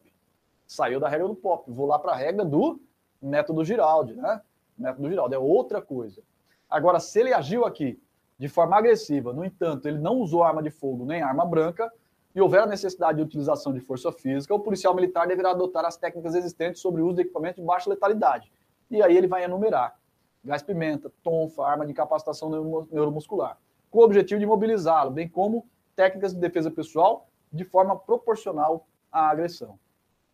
Então, aqui tem previsão de uso de arma de fogo sem quando a pessoa reage de forma agressiva sem emprego de arma de fogo ou arma branca? Não tem. Não tem. No POP, não tem. Legal? Beleza? O cara reagiu de forma agressiva. No entanto, sem empregar arma de fogo ou arma branca. O POP prevê que eu use arma de fogo? Não. Tá ótimo? Legal. E ele faz essa ressalva, né? sem emprego de arma de fogo ou de arma branca. Sugerindo o quê? Que nesses casos aqui eu vou utilizar arma de fogo também. Né? Sugere, não deixa explícito, mas sugere. Tranquilo? Maravilha. Então, essas aí são as, as ações corretivas desse POP aqui que eu acho que são relevantes para a gente. É importante eu saber quando eu, o que eu faço se eu abordo mais gente do que policiais. É importante eu saber o que eu faço se o cara corre. É importante eu saber o que eu faço se eu encontro objeto ilícito. O que eu faço se é, eu tenho que abordar, que eu, se eu tenho que algemar mais pessoas do que algemas. O que eu faço se o cara se recusa a cumprir a ordem, se ele está oferecendo perigo, se o local for de alto risco no caso de abordar pessoas sob influência de álcool ou outras drogas, e o que eu faço se ele reagir de forma agressiva sem empregar arma de fogo ou arma branca. É, esses, são essas as ações corretivas. Vários aspectos ali que o examinador ele pode utilizar para fazer questão de prova. Show de bola? Legal. Tem a possibilidade, então, de numa abordagem de pessoa sob fiscalização de polícia eu empregar arma no terceiro olho, na posição terceiro olho? Sim, se houver a necessidade de progredir no uso da força. Valeu? Maravilha. Atenção para essa regrinha aqui, que é a última aí desse, desse tópico. Nos casos em que a pessoa ser submetida à busca pessoal for do sexo feminino, solicitar a presença de um policial militar feminino para realizar tal tarefa. Então a regra é que a busca pessoal em mulheres será realizada sempre por mulheres. Beleza? Essa é a regra. Então, é, é, vou fazer a busca numa mulher? Eu peço apoio de uma equipe que tem uma policial feminina para fazer essa busca. Entretanto, se não for possível a presença de um policial feminino, imagina que não tem como trazer. Eu estou num lugar em que não é possível vir uma policial feminina para fazer essa busca aqui. Imagina uma circunstância aí concreta que não tenha uma policial militar feminina. O policial militar deverá solicitar a uma pessoa preferencialmente do sexo feminino, se houver também, que servirá como testemunha, selecionada entre o público presente que acompanhe visualmente de posição segura a realização da busca pessoal, dando prosseguimento à ação. Então ele está falando assim: a busca pessoal em mulheres será realizada preferencialmente por mulheres. Se não for possível, vai ser realizada pelo homem mesmo. No entanto, nesse caso, eu vou pedir uma testemunha, preferencialmente, olha lá, preferencialmente do sexo feminino. Vou pedir uma testemunha da minha busca. Ela preferencialmente vai ser mulher, mas pode ser homem? Preferencialmente mulher. Então eu subentendo que pode ser homem também. Tá certo? E essa pessoa ela vai servir como testemunha da busca. E ela vai acompanhar de uma posição segura. E se não tiver? Olha lá. O policial militar deverá solicitar uma pessoa preferencialmente do sexo feminino, se houver, que servirá de testemunha, selecionada entre o público presente, que acompanhe visualmente posição segura, a realização da busca pessoal e vai prosseguir na ação. Agora, não tem mulher, testemunha é um homem. Meu, não tem nem homem nem mulher, e eu preciso fazer a busca. Eu vou fazer a busca, mas aí está fora da regra do POP já. Tudo bem? O POP ele não tem uma previsão de uma hipótese em que não tem mulher para fazer busca, não tem mulher para servir de testemunha, não tem homem para servir como testemunha. O POP não prevê uma hipótese dessa aí, que é o extremo do negócio. Beleza? Maravilha, então. Firmamos, então, aqui? Esse é o POP de busca pessoal. É, é, é esse, são esses aspectos aí que a gente tem que prestar atenção na abordagem em si. Na sequência, nós vamos lá para a busca pessoal é, especificamente. Né? Aqui a gente vai falar especificamente da busca pessoal. Eu separei aqui ela em etapas, né? porque tem alguns aspectos que são importantes da gente discutir é, de, forma, de forma separada. Esse primeiro tópico aqui, do item 1 e o item 2, eles a gente sabe fazer, nós sabemos fazer. Eu só coloquei aqui para a gente ler em conjunto, porque, afinal de contas, eu falo para você ler o POP, para você ler o POP do começo ao fim, mas eu sei que você não vai ler, né? Eu tenho para mim que você não vai ler. É, eu tenho minhas dúvidas, sinceramente, se você vai pegar o POP e vai ler aquelas 50 tantas páginas lá de POP. Então, para facilitar a sua vida, para você ler pelo menos uma vez antes da prova, eu trouxe aqui a sequência de ações da busca pessoal, né? Porque tem alguns aspectos ali que a gente precisa também frisar. Inicialmente, olha lá, fazer, fazer a cobertura sempre atento, posicionando-se em local visível e seguro. Então, a cobertura, né, feita por esse policial militar aqui que está na segurança, adotar a seguinte sequência de ação: deslocar, olha lá, as mãos com os dedos cruzados sobre a cabeça para trás da nuca. Então, viu? Na hora da abordagem, a mão está onde? Sobre a cabeça. É só agora que eu desloco para a nuca. É a primeira coisa que ele fala aqui. Tá lá, ó, para trás da nuca. E segurar firmemente durante toda a busca pessoal. Eu peguei lá em cima da cabeça, trouxe para a nuca, eu seguro firmemente durante toda a busca pessoal. Ou seja, eu não solto mais daqui. Percebeu? Se o abordado estiver algemado, deverá segurar entre as algemas. Importante aqui, hein? Eu vou lá, pego a mão do cara em cima da cabeça, coloco atrás da nuca seguro durante toda a busca. É ali. Se ele tiver algemado, eu seguro onde? Na mão? Não, eu seguro entre as algemas. Seguro no braço? Não, entre as algemas. Legal? Entre as algemas. Ah, mas se o cara tiver, souber lutar jiu-jitsu, ele vai prender minha mão e vai não sei o quê. Não, não, não, não, pensa nisso na hora da prova. Esquece isso na hora da prova. Vamos pensar onde colocar o X correto. Eu seguro onde? Entre as algemas. Show? Posicionar-se de forma que o lado que se encontra a arma do policial militar esteja sempre o mais distante possível da pessoa a ser submetida à busca pessoal. Isso a gente sabe. Estou lá segurando a minha arma. Se eu sou destro, a minha arma tem que estar o mais distante possível da pessoa a ser submetida à busca. Ou seja, se o policial for destro, seu pé esquerdo deve ficar à frente, junto, junto ao pé esquerdo do revistado e vice-versa, formando uma base de apoio fixa. Essa base ela não muda, né? Essa base de apoio ela não muda. Se eu for destro, meu pé esquerdo está à frente e eu vou estar com meu pé esquerdo próximo do pé esquerdo do abordado. E essa base aqui que eu montei, ela não vai se alterar. Eu vou fazer a busca desse lado do corpo e do outro lado do corpo, sempre mantendo essa mesma posição. Eu não inverto para fazer a busca. Isso é interessante porque teve um tempo que a gente fazia isso. Eu segurava lá a mão do cara, fazia a busca desse lado. Aí eu invertia a minha mão e segurava e fazia a busca do outro lado. Isso não, não é feito mais. O POP não prevê isso. Ele fala: coloquei aqui, faça a busca desse lado, faça a busca do outro lado sempre é, é, mantendo a mesma posição. Maravilha? Considera-se, considerando-se que a base é fixa, o policial deverá trocar somente as mãos que seguram os dedos entrelaçados ou entre as algemas, quando for realizar a busca pessoal do outro lado dele. Escolher primeiro o lado a ser revistado e, através de uma sequência ascendente ou descendente, priorizar a região do tronco, abdômen e peito, dos membros superiores, axila e braço, depois verificar os membros inferiores, virilha e perna é, do respectivo lado, sem colocar as mãos nos bolsos. Eu destaquei ali o sem colocar as mãos no bolso. Então, eu tô lá, segurei a mão do cara, fiz a busca desse lado, inverti a mão, fiz a busca do outro lado, mas eu mantive a base fixa aqui, a base não troca, né? A base não troca. Então, segurei, fiz a busca, inverti, fiz a busca do outro lado, mantendo a base sempre fixa. Eu não vou colocar a mão no bolso, não coloco a mão no bolso do abordado, tá lá, né? É, no pop. Eventualmente, o examinador ele pode falar, vai fazer a busca tal, colocando as mãos no bolso para ver se há algum objeto é, é, de ilícito. E aí vai estar errado. Tudo bem? Apenas buscando identificar volumes suspeitos. Pode haver material pérfuro cortante ou infectado, agulha, seringa, lâmina, enfim. Ele está falando assim: eu só vou passar a mão sobre os bolsos, sobre os bolsos, para verificar se tem algum volume que seja, é, é, que seja suspeito. Caso seja detectado algum objeto ilícito durante a busca pessoal, retirar imediatamente da posse do abordado.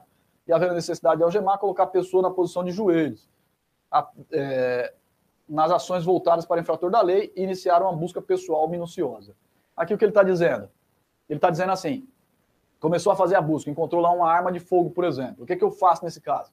Eu retiro a arma de fogo, retiro a arma de fogo do abordado, e havendo a necessidade de algemar, eu coloco esse, essa pessoa ajoelhada, porque daí eu vou fazer o algemamento com ele ajoelhado. Essa é a ideia aqui. Tudo bem? Então, o que, é que eu tenho que tomar cuidado então, com esse primeiro, primeiro aspecto aqui? Que eu desloco a, a mão para a nuca e eu mantenho segura durante toda a abordagem. A minha posição, a arma tem que estar o mais distante possível do abordado. Eu vou inverter a mão, mas eu não inverto a base. Eu troco a mão, faz a busca de um lado, faz a busca de outro e não troco a mão. Nos bolsos, o que, é que eu faço? Eu identifico volumes e depois eu vou olhar esses volumes. Mas eu não coloco a mão no bolso. Não coloco a mão no bolso. Se eu encontrar um objeto ilícito, retiro da posse do abordado e se precisar algemar, eu coloco ele ajoelhado para fazer o algemamento. Se precisar algemar. Tá bom? Relacionar os objetos ilícitos encontrados, requisitar ao indivíduo abordado sua identificação, anotar os dados pessoais do abordado, tudo isso aí a gente sabe, né? Após a realização da busca pessoal, solicitar e conferir a documentação junto ao Copom ou CAD, sem que os abordados ouçam a comunicação da rede de rádio. É, eu aqui destaquei só esse aspecto aí, né? Você vai fazer a consulta lá, é, vai conferir a documentação, a identificação que a pessoa forneceu.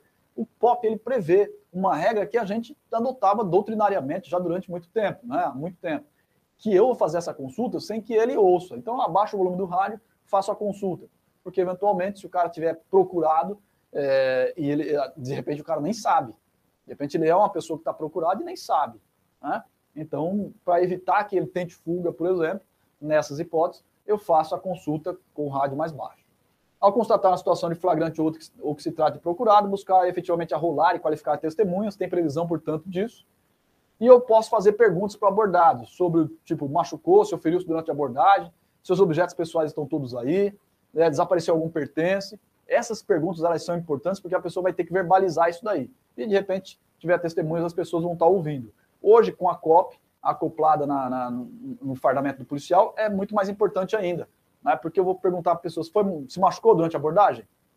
Vamos imaginar que eu abordei, fiz a busca pessoal e não tinha nada com ele. É, era uma, foi uma abordagem que resultou na constatação de que ele não era um criminoso. Nessa hipótese aqui, tendo a COP, é muito mais confortável ainda de eu fazer esse tipo de questionamento. Você se machucou durante a abordagem? Vê aí os seus pertences, vê se está tudo aí. Inclusive na, na, abordagem a veículo, né? Verifique lá se, seus, se os documentos do seu carro são esses aqui mesmo. Vê lá se tem alguma coisa, se desapareceu alguma coisa do seu carro. Para quê? Para evitar que depois a pessoa não venha fazer reclamações infundadas simplesmente para tumultuar para provocar ou para prejudicar o policial militar. Tudo bem? Olha lá. No item 9, aqui mais uma vez reforçando essa questão que envolve a pessoa com deficiência, o item 9 inteirinho, ele fala de como que eu faço a abordagem, a busca pessoal, na verdade, a busca pessoal, numa pessoa que é cadeirante. Então, o item 9 vale a pena você ler depois. Né? Não vou ler ele inteirinho, né? porque não seria proveitoso aqui.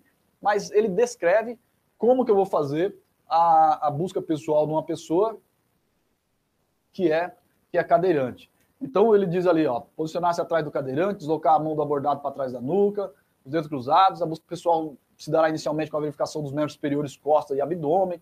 Depois ele prevê, inclusive, que se a pessoa não conseguir se, se, se levantar para que eu possa ver ali a parte de baixo do assento do, do, da cadeira, o policial vai ficar atrás lá, vai mandar que cruze os braços e vai levantar essa pessoa para eu verificar se na cadeira de rodas ali não tem é, é, nenhum objeto ilícito.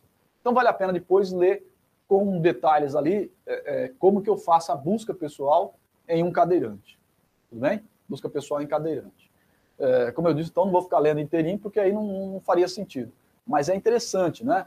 É, o POP ele descreve uma circunstância muito específica, que é a busca nesse tipo de, nesse tipo de situação né, que eu me deparo com a pessoa com uma deficiência de locomoção, um cadeirante. Né? Então, é um aspecto que precisa ser reforçado aí, que eventualmente pode ter uma questãozinha de prova, vai falar assim, você foi despachado para atender uma ocorrência, você se deparou com uma ocorrência em que é, a pessoa indicada como criminoso é um cadeirante.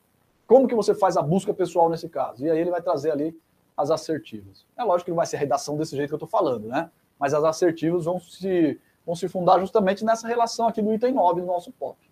Maravilha? Show de bola. As ações corretivas aqui, é, nos casos da busca pessoal. Então, nós falamos da ação corretiva na abordagem em si. Agora a gente está falando da ação corretiva na busca pessoal. É, o policial militar que estiver na segurança, ele tem que estar o tempo todo prestando atenção aqui, né? Ele tem que estar o tempo todo prestando atenção em volta. Se eu percebo que ele está viajando, né, eu estou aqui fazendo a busca pessoal e eu estou vendo que o segurança lá ele não está prestando atenção. Tem que chamar atenção, né, pedindo cobertura. Chamar atenção, pedindo cobertura. Se o indivíduo abordado esboçar reação, o que, é que eu faço? eu me atraco com ele? Não. O que, que o POP prevê? Estou lá fazendo a busca pessoal. O cara começou a se debater, a tentar se desvencilhar, a, a tentar soltar a mão que estava lá é, é, presa na nuca ali, né? Ele está tentando. O que, que eu faço? Eu me afasto dele. Olha lá. Deverá afastar-se e iniciar novamente a verbalização. Tudo bem? Essa é a regra do negócio, né? É, toma cuidado o cara falar assim, ah, vai é, determinar que ele se ajoelhe, vai, sei lá, colocá-lo ao chão usando força física, vai utilizar equipamento de menor letalidade, qualquer coisa do gênero vai estar errado. A primeira medida é se afastar e voltar a verbalizar com ele. Se o abordar e investir contra o policial militar que estiver realizando a busca, o policial militar que estiver na cobertura deverá estar pronto para agir rapidamente, observando o escalonamento do uso da força. Então, é, é, o POP ele não fala em momento nenhum que o cara que está na segurança vai fazer disparo, por exemplo, ou que ele vai usar tunfa, ou que ele vai usar taser, ou que ele vai usar equipamento de é, a, a arma de incapacitação neuromuscular. O POP ele não traz especificamente isso. Ele fala assim que ele tem que estar pronto para atuar de acordo com o escalonamento do uso da força. E esse juízo do qual é o escalonamento, qual é a força, qual a intensidade da força que eu vou empregar, qual o meio que eu vou empregar, quem faz esse juízo é o policial que está lá na hora. Tudo bem? Aí depois ele reforça essa questão da pessoa do sexo feminino, né? Se a pessoa abordada for do sexo feminino, não for possível a presença policial militar feminino, o policial militar deverá solicitar uma pessoa preferencialmente do sexo feminino, se houver, servirá como testemunha, selecionada entre o público presente, que acompanha a ação e tal, tal, tal. Então aqui ele reforça aquilo, aquela regrinha que eu tinha falado lá atrás. Se a pessoa submetida à abordagem não quiser se identificar ou não responder a alguma pergunta pertinente durante o ato de identificação, alertá-la sobre os aspectos legais de tal desobediência. Então, aqui, aquela questão toda envolvendo lá a, a, a recusa em se identificar. Né? Se houver indício de que o documento seja falso, então a pessoa apresentou um documento falso, conduzir o indivíduo ao distrito policial, a fim de que sejam adotadas providências policiais cabíveis. Se for, por qualquer motivo, não for possível ou conveniente que a busca pessoal seja realizada com abordada em pé, poderá ser adotada outra posição, deitada, ajoelhado, conforme o caso. Então, de repente, por qualquer razão, a pessoa ela, é, é melhor que não, não faça a busca pessoal nele em pé. Eu posso fazer a busca pessoal com ele deitado, com ele ajoelhado, mas aqui o POP ele não especifica essa circunstância. Aí é, mais uma vez, juiz de quem está fazendo a abordagem, juiz de quem está fazendo a busca pessoal naquele momento. É... Se ao término da busca, pessoa submetida à abordagem reagir com desaprovação ao procedimento, de forma educada, procurar elucidar sobre a importância, a necessidade e o amparo legal da ação. Então, aqui dentro das ações corretivas, tem a previsão de que eu vou é, tentar esclarecer o abordado naquelas hipóteses em que terminou a abordagem e a pessoa ficou descontente. Né? Ela não gostou da abordagem, ela reclamou da abordagem, ela acha que, que foi desproporcional, que foi desnecessário, alguma coisa do gênero, eu vou tentar é, é, é vou tentar verbalizar com ela, conversar com ela, explicando a, a importância, a necessidade da busca pessoal. Mais uma vez, hoje, tendo as COPs aí sendo empregadas em, em, em muitas unidades, né? É, esse tipo de, de procedimento ele é extremamente importante para evitar reclamações futuras em relação ao próprio policial militar, né? Então, é, a pessoa reclamou, eu estou filmando a reclamação dela. Eu já aproveito e já especifico para ela as razões da abordagem, né? A importância disso daí. Se amanhã ou depois ela for fazer uma reclamação, eu tenho a meu favor uma, uma, uma uma prova muito, muito substancial né, sobre como eu procedi, sobre como eu agi e sobre a resposta, a justificativa que eu dei para a abordagem. Maravilha? Legal? Tá bom. Esse daí, então, é o POP de abordagem de pessoa a pé, que trata, inclusive, da busca pessoal. Né? É lógico que o POP ele tem depois ainda outros, outros, é, outros tópicos. Né? Nesse POP tem outros tópicos. É, a, a, condução de partes, naqueles casos em que eu preciso conduzir, a apresentação da ocorrência no DP e eu tenho também o encerramento da ocorrência. Mas são aspectos do POP que pouquíssimos, pouquíssimo cobrados e que, para nosso, para a finalidade dos nossos encontros aqui, que tem que ser alguma coisa um pouco mais objetiva, é, não vale a pena ficar perdendo, ficar gastando tempo com isso daí. Você, naturalmente, vai ler é, esses, esses, essas partes do pop, você precisa ler o pop inteirinho. No seu material consta essa parte final aí do pop. Então vale a pena você ler ali. É lógico que eu não vou ficar discutindo esses aspectos aí que não tem relevância hoje suficiente para a gente gastar um tempo aqui no nosso encontro falando deles. Tudo bem? Vamos falar agora, então, rapidinho sobre o POP de abordagem policial com viatura de quatro rodas. É o POP 10200, né? Esse POP aqui, então, ele trata da abordagem policial é, o, empregando viatura de quatro rodas e abordando veículo, né? E abordando veículo. Porque até então a gente falou de abordagem de pessoa a pé, aqui a gente vai falar agora de abordagem a veículos, muito embora o POP ele seja, ele tenha essa definição, né? Abordagem policial com viatura de quatro rodas. Na verdade, o POP deveria ser de abordagem policial a veículos, né? Porque eu posso abordar a pessoa a pé estando de viatura. Não faz muito sentido o nome, mas enfim, coloquei o nome que consta do POP. É... Esse POP, então, de abordagem a veículos, ele começa com a exigência de uma análise preliminar do, do ambiente e do veículo a ser abordado. Então, quando eu coloco ali abordagem preliminar, eu estou dizendo que a primeira parte do POP ele diz o seguinte: que o policial militar ele vai identificar o veículo a, a ser abordado. Né? Ele vai se aproximar do veículo o máximo que ele conseguir, ele vai identificar a quantidade de ocupantes, ele vai identificar é, é, a, a, situação em que cada um dos ocupantes está, né? O, é, aquela, aquelas circunstâncias que justificam a fundada suspeita ou a ação de fiscalização de polícia ou ainda a, a, a abordagem de um, de um infrator da lei. Ele vai se aproximar do veículo e fazer essa identificação.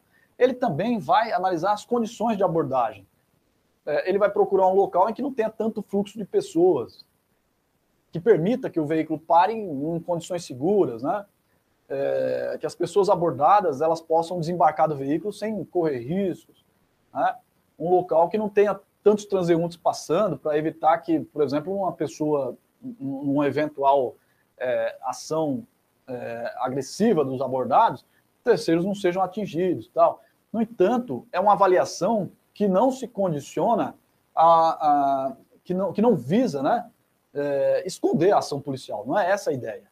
A ideia de eu procurar um local mais é, reservado, com menor fluxo de pessoas, é garantir a segurança de todos os envolvidos ali.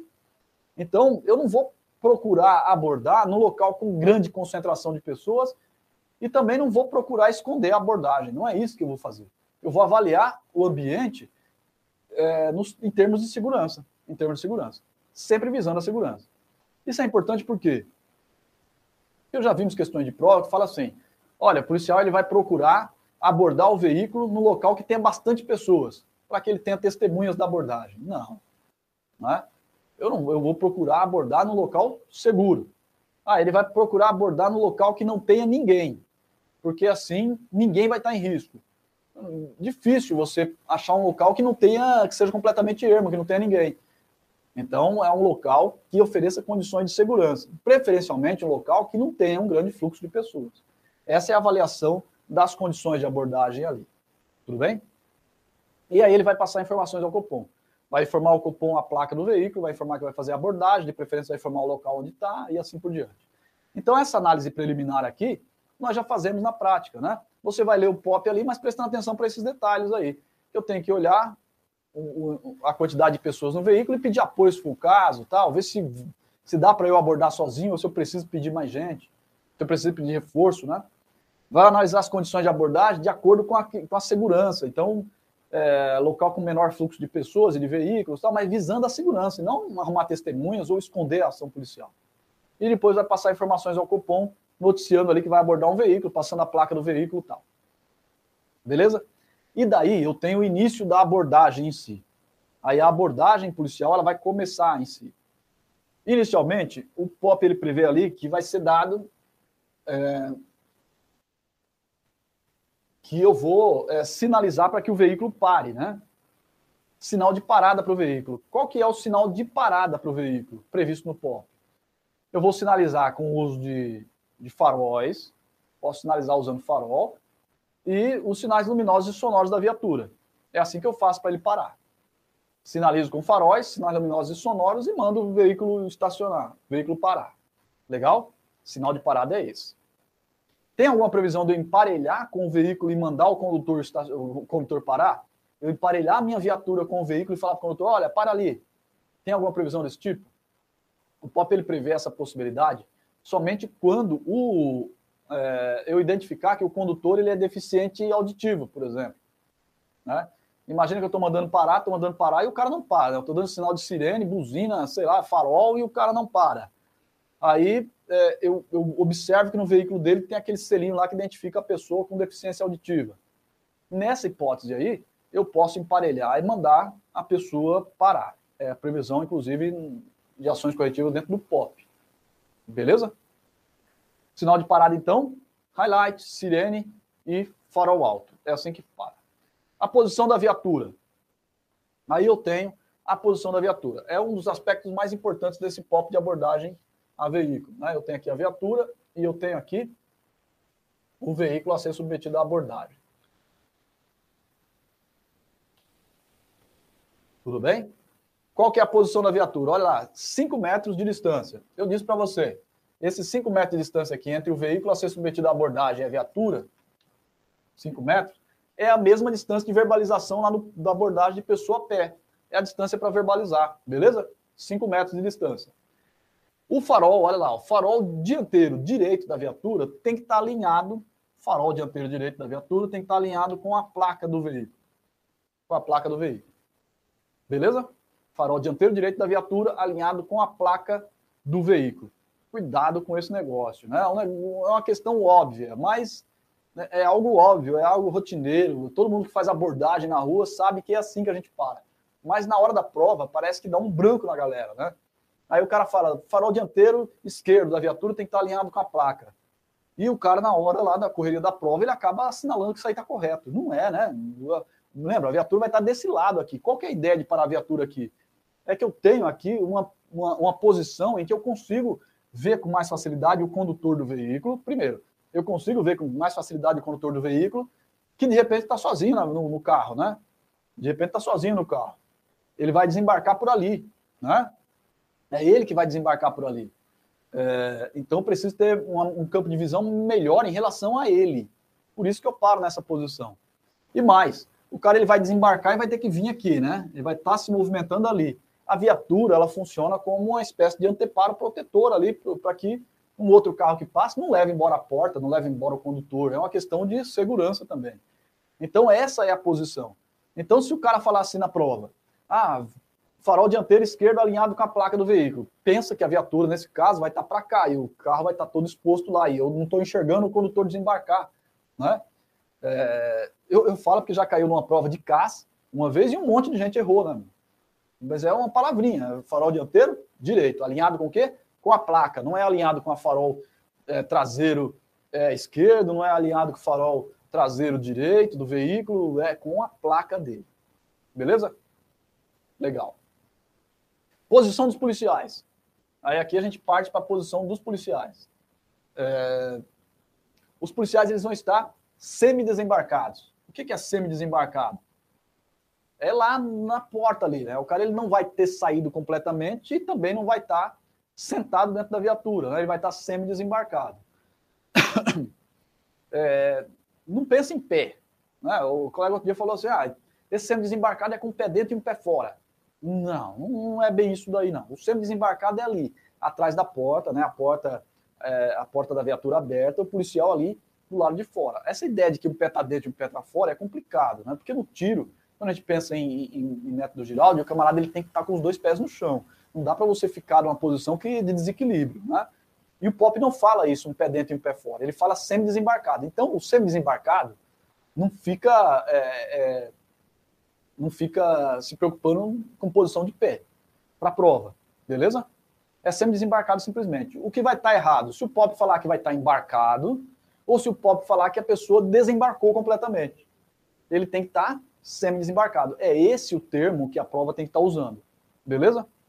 Legal. Sempre desembarcado. As portas das viaturas vão estar abertas. Vai lá. Portas abertas. Não é porta semi-aberta. Vai lá, o cara tá semi-desembarcado e a porta das viaturas semi-abertas. Não, não tem esse semi-aberto previsto no, no POP também. Tudo bem? Cuidado com esses termos, tá? Cuidado com esses termos. É, é assim que o examinador ele usa, é, é assim que ele complica a prova. Portas abertas. Motor da viatura ligado e as armas na posição correspondente ao tipo de abordagem que eu estou fazendo. As armas na posição correspondente ao tipo de abordagem que eu estou fazendo. Beleza?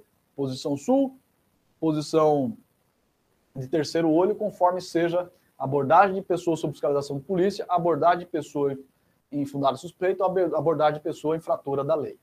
Legal? Então aqui os policiais eles vão estar semi-desembarcados. Tranquilo? Legal. Na abordagem de fiscalização de polícia, então a arma vai estar no coldre. Eu vou verbalizar com a pessoa para que ela desembarque do veículo. É, vou me identificar, cidadão polícia, desembarque do veículo tal. E vou colocá-la numa condição que eu vou verbalizar com ela. Essa que eu vou, é, que eu vou pedir a identificação dessa pessoa. O POP ele fala que posição é essa? Não, ele não fala. É diferente da abordagem de pessoa sob fundada suspeita, que ele fala que eu vou trazer essa pessoa para a área de segurança, que não sei o quê. Lá não, ele fala assim que você vai mandar a pessoa desembarcar, é simplesmente isso. E aí que vai pedir que ela se identifique. Legal? Então ela não, faz muitos detalhes. Com relação a pessoa em fundada suspeita, a arma vai estar na posição sul. A arma vai estar na posição sul. Então vou estar semi-desembarcado, a arma na posição sul, motor da viatura ligada tal. E é, eu vou pedir que a pessoa desembarque e venha para a área de segurança. A área de segurança é onde, como regra? Atrás do veículo, né? Ali no porta-malas, na parte do porta-malas do veículo. Então, peço que a pessoa desembarque e venha para a área de segurança. A área de perigo é onde? Justamente lá dentro do carro, né? Dentro do carro é a área de perigo se for um criminoso identificado. Então, eu mando que ele saia para a área de segurança, que é aquele ali onde eu tenho um domínio, onde eu posso fazer a busca pessoal. É... O que acontece então? A pessoa desembarcou, ela veio aqui para a área de segurança. Eu tenho agora uma dinâmica, né? Eu tenho agora uma dinâmica, segundo a qual é, o motorista da viatura ele vai desembarcar e ele vai adotar a posição aqui de segurança. Legal? Ele vai adotar a posição de segurança. Onde? Aqui. Né? E aí, o, condu... e aí o, o, encarregado, ou comandante de equipe aqui, ele vai desembarcar. Ele vai fazer o quê nesse momento aqui? Ele vai fazer a tomada de ângulo. Então, ele vai certificar que essa área, de, que essa área aqui dentro do veículo ela não é uma área de perigo, que ela é uma área segura. Como que ele faz isso? Ele vai fazer a tomada de ângulo. E cuidado, tomada de ângulo é sempre com a arma na posição de terceiro olho, independente do tipo de abordagem que eu vou fazer. Vou fazer a abordagem de pessoa infundada suspeita. Vou fazer a tomada de ângulo lá no interior do veículo. Como que essa tomada de ângulo vai ser feita? Com a arma na posição de terceiro olho. Então eu vou lá, colocar a arma na posição de terceiro olho, vou fazendo a tomada de ângulo dentro do carro, vi que não tem ninguém, o comandante de equipe viu que não tem ninguém, ele volta, foi lá, fez a tomada de ângulo inteirinha, ele volta e vai assumir a posição de segurança. A posição de segurança dele aqui, na abordagem, né, vai considerar que essa distância aqui, ela é de 2 metros, né, e ele vai estar num ângulo de 90 graus em relação ao policial que vai fazer a busca pessoal. Do mesmo jeitinho que na abordagem a pessoa pé. Né? Então, vai lá, toma a posição de segurança, 2 metros, o policial militar, que é o motorista ali que até então estava na, na, segurança enquanto eu fazia a tomada de ângulo, ele vai agora colocar a arma dele no coldre, ele vai abotoar o coldre e ele vai partir para a busca pessoal nos termos da busca pessoal anterior, lá que nós vimos. Tudo bem? Muito tranquilo, né? Essa dinâmica aqui do negócio. Maravilha? Então aqui a gente está até a busca pessoal. Terminou a busca pessoal, eu vou fazer a vistoria no veículo e aí eu falo depois da, da lógica aí da vistoria, da posição das partes na vistoria. Tudo bem? Beleza? E, na, e, e, no infrator da lei? Mesma coisa, né? Eu vou fazer a abordagem com a arma em terceiro olho, eu vou fazer a tomada de ângulo da mesma forma lá do interior do veículo, eu vou voltar, vou continuar na posição de segurança ali com a arma na posição do terceiro olho, e nesse caso aqui, o POP ele prevê que eu vou tirar as pessoas do interior do veículo e que elas vão ser colocadas na posição de ajoelhado aqui.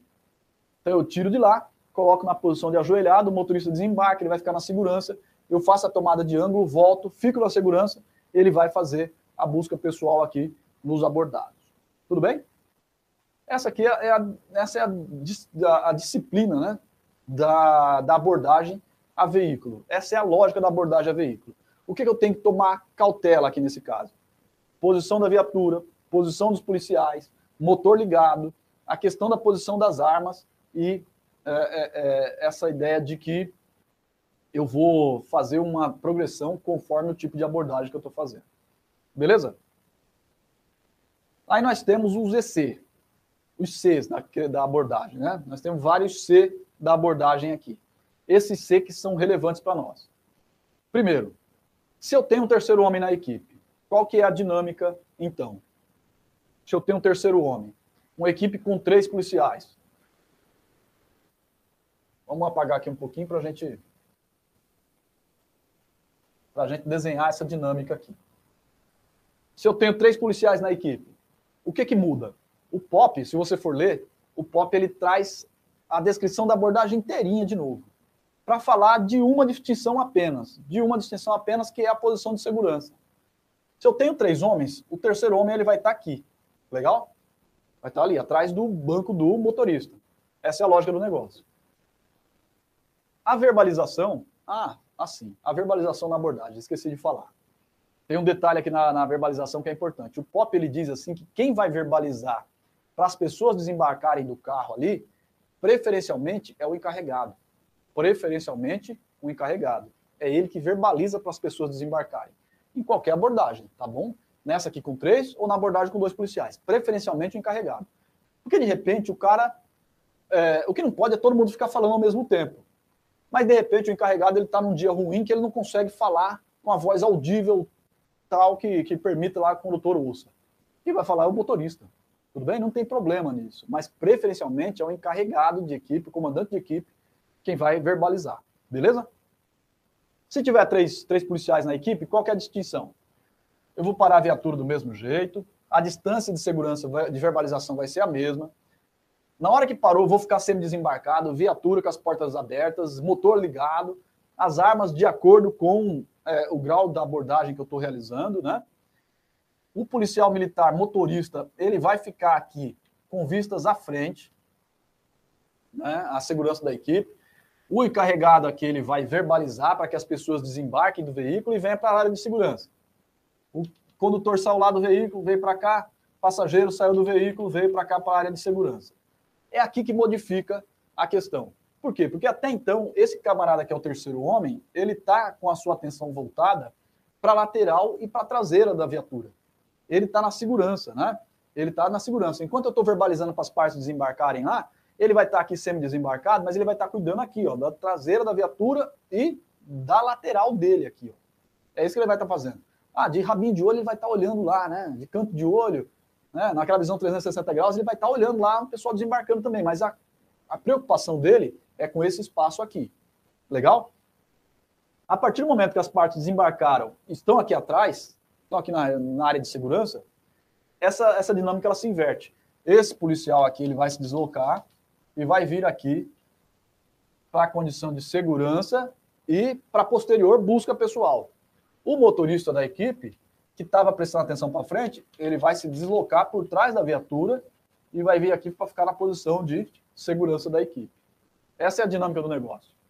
O terceiro homem ele sai, vai lá, vai ficar na segurança enquanto o comandante de equipe faz a tomada de ângulo. O comandante de equipe fez a tomada de ângulo, volta para a posição de segurança. Esse aqui arma no codre, trava, vai fazer a busca nos abordados. Enquanto isso, o motorista ele já desembarcou, bateu ali as portas da viatura, veio para cá, para a posição de segurança, vai estar aqui fazendo a segurança tanto lá da abordagem quanto da viatura e no âmbito de 360 graus. Compreendeu a dinâmica do negócio? É só essa inversão aqui que vai acontecer. Quem faz a busca é o motorista? Não, é o terceiro homem. É ele que vai fazer a busca. Legal? Pelo POP é assim. Tudo bem? Ah, mas eu na minha equipe eu faço diferente. Na prova, faz assim. Maravilha? Na prova, quem faz a busca? O terceiro homem. Não é o motorista. Não é o comandante de equipe. Quem verbaliza? Preferencialmente o comandante de equipe. Legal? Maravilha. E se tiver um deficiente físico no carro? Voltando um deficiente físico, hein? Lembra lá que eu falei já. O item 9 lá do POP de busca pessoal. Olha esse item 9. Aqui, busca pessoal no, no deficiente físico dentro do carro. Se ele puder descer, ele desce. Se ele não puder, ele fica dentro do carro. Ele vai ficar lá dentro do carro. Se não puder, permanece e será submetido à busca no interior do veículo. Nesse caso, se ele for ser submetido à busca no interior do veículo, eu faço a busca primeiro nele. Vamos imaginar que aqui eu desembarquei esses dois e ficou um deficiente lá, cadeirante, lá dentro do carro, que não consegue desembarcar. O que, que eu faço? Ao invés de eu colocar esses caras aqui para busca, eu coloco eles aqui na calçada. Tudo bem? Coloco eles aqui. Passo, faço a tomada de ângulo, vi que está o deficiente lá dentro. Legal, eu volto, fico aqui na segurança. O meu motorista, na hora que ele sair, ou o meu terceiro homem, quando ele sair, ele vai lá e faz a busca primeiro naquele cara que está lá dentro. Legal? Vai lá, faz a busca, faz a busca é, é, tronco, braços, pernas, tal.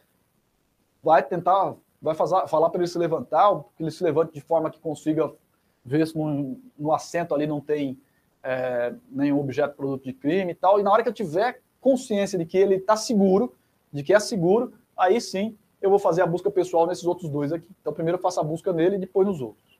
Legal?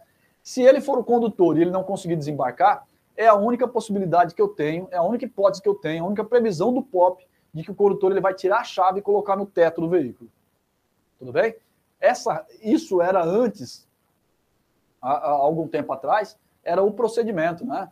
A gente falava assim, como você aborda um veículo? Você vai, manda o cara parar, ele parou, você fala para o camarada, olha, tira a chave do veículo, coloca em cima do teto. Aí o cara tirava a chave e colocava em cima do teto do carro.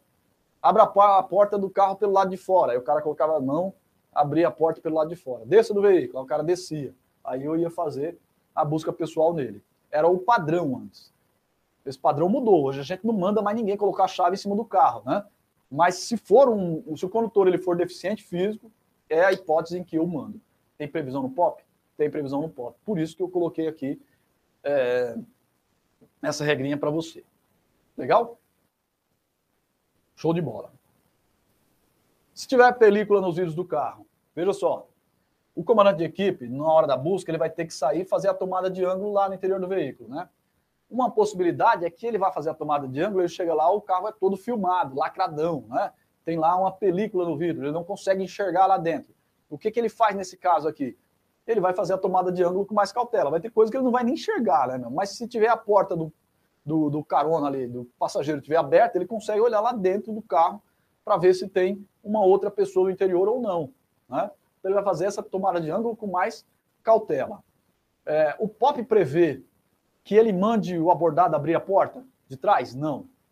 O POP prevê que ele abra a porta de trás? Não. Ah, mas isso aí é uma maior cautela. Tudo bem, mas o POP não prevê. Legal? Eu digo isso por quê? Porque eu já vi fazendo de todas as formas possíveis, né?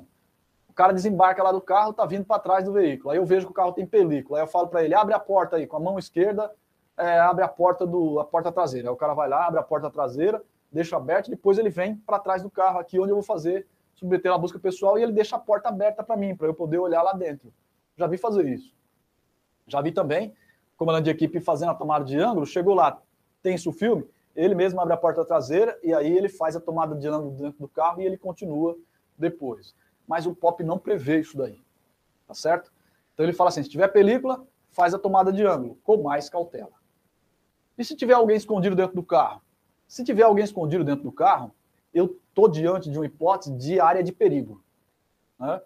Área de perigo, o interior do veículo, e área de perigo, o cone da morte que se forma em torno ali das janelas, da porta aberta e tudo mais. Então eu estou fazendo a tomada de ângulo, eu visualizei que tem uma pessoa deitada lá dentro do carro. O que, é que eu faço? Volto, volto para a posição de segurança, coloco todo mundo ajoelhado e vou verbalizar para que aquela pessoa ela desembarque do veículo. Então, volta à posição de segurança, coloca todos ajoelhados e verbaliza para que a pessoa desembarque. E se não desembarcar? Nem esse, ou se não desembarca no começo da abordagem, o que, é que eu faço? Solicito apoio. Se tiver escudo, eu me aproximo com o uso de escudo para poder visualizar melhor o interior do veículo. E eu posso é, me aproximar com esse escudo, né, visualizar o interior e continuo verbalizando para que as pessoas desembarquem. É, tem tem é, é adoção de medida extrema aqui, de falar assim, ó, vai tirar a pessoa pela janela, vai abrir a porta, vai jogar gás pimenta lá dentro. Não, não existe isso no POP. Legal? Não tem essa, esse tipo de previsão. Ele só fala assim: que se a pessoa se recusa a desembarcar, eu solicito apoio. Se tiver escudo, eu uso o escudo para me aproximar e eu continuo verbalizando. Não há outra medida segundo o POP. Legal? Se o motorista para a menos de 5 metros do veículo, é, se, o, se o, o, o, condutor da viatura, na hora que vai parar a viatura, ele para a 2 metros de distância do veículo. Nesse caso, eu vou continuar a busca, né? Não tem que pensar na hipótese do motorista ficar manobrando a viatura para parar numa distância maior. Né? Parou a dois metros, vai a dois metros mesmo, mas aí eu vou tomar mais cuidado, né? Vou fazer a busca muito mais perto da pessoa, vou fazer a abordagem do veículo muito mais próximo do veículo. Então eu tenho que ter maior cautela. Mas não existe previsão, não existe previsão, portanto, de que eu é, manobre a viatura para ficar mais longe, para ficar mais perto de ninguém. Tudo bem? Se parou muito longe e eu não consigo é, verbalizar, aqui não está falando, né? Se ele parou mais perto, eu faço com mais cautela. Se ele parou muito longe, aí já ficamos semi-desembarcados ali, eu estou verbalizando, estou tendo que gritar lá com o cara. O POP ele prevê que nesse caso aqui, eu aumento o tom de voz. Se eu perceber que não está ouvindo, eu posso avançar e ficar é, é, abrigado em um anteparo é, natural para poder verbalizar com a pessoa lá dentro. E se tiver mais abordados do que policiais? O POP ele prevê nesse caso aqui que além daquela regrinha lá de, de transposição dos abordados, né, de transposição dos abordados para busca pessoal, ele prevê que se tiver mais abordados do que policiais, eu posso colocar a arma na posição terceiro olho. Olha aí que interessante. Né? A gente fala abordagem de pessoas sobre fiscalização de polícia, sobre é, abordagem de pessoa em fundada suspeita, arma na posição, ter, na posição sul. Mas é abordagem a um veículo com pessoas em fundada suspeita, mas com quatro ocupantes. Eu posso colocar a arma na posição terceiro olho se eu entender necessário. Viu que é importante? Essa questão está lá no POP, tem previsão no POP. De repente estou lá abordando um carro com quatro pessoas, estou com a arma na posição do terceiro olho, e eu sou questionado depois por que, que eu abordei com a posição do terceiro olho se não era criminoso identificado. Eu posso dizer, olha, eu abordei na posição terceiro olho porque nós estávamos em dois, o carro tinha quatro ocupantes e eu entendi que nesse caso era necessário. Tudo bem? Pode colocar a arma na posição terceiro olho, portanto, se tiver um número maior de abordados que de policiais. Legal? Abordagem de pessoas em motocicletas. Se ao invés de um carro aqui eu tenho uma moto, o que, que eu faço? O restante não muda muito. A distinção: eu paro a 5 metros, o farol dianteiro direito da viatura tem que estar alinhado com a placa da motocicleta. Qual que é a diferença aqui? Que eu mando o camarada descer da moto e ele vai ficar do lado da moto. Ele não vai vir para trás da moto, ele vai ficar do lado dela ali. Né? Então ele desembarca e fica do lado da moto. É ali que eu vou me aproximar para fazer a busca pessoal dele. É a previsão do POP. Beleza? Ah, mas eu prefiro colocar o cara na calçada. Tudo bem, mas o POP ele prevê que ele vai ficar ali. Maravilha? É a área de segurança. A busca do abordado, ela é feita, a busca pessoal no abordado é feita com ele com o capacete na cabeça. Isso é importante para fim de prova. Ah, mas eu mando sempre o cara tirar o capacete e colocar no, no, no guidão da, da moto. Não importa. O POP ele prevê que o cara ele vai descer da moto e vai colocar as mãos sob o capacete.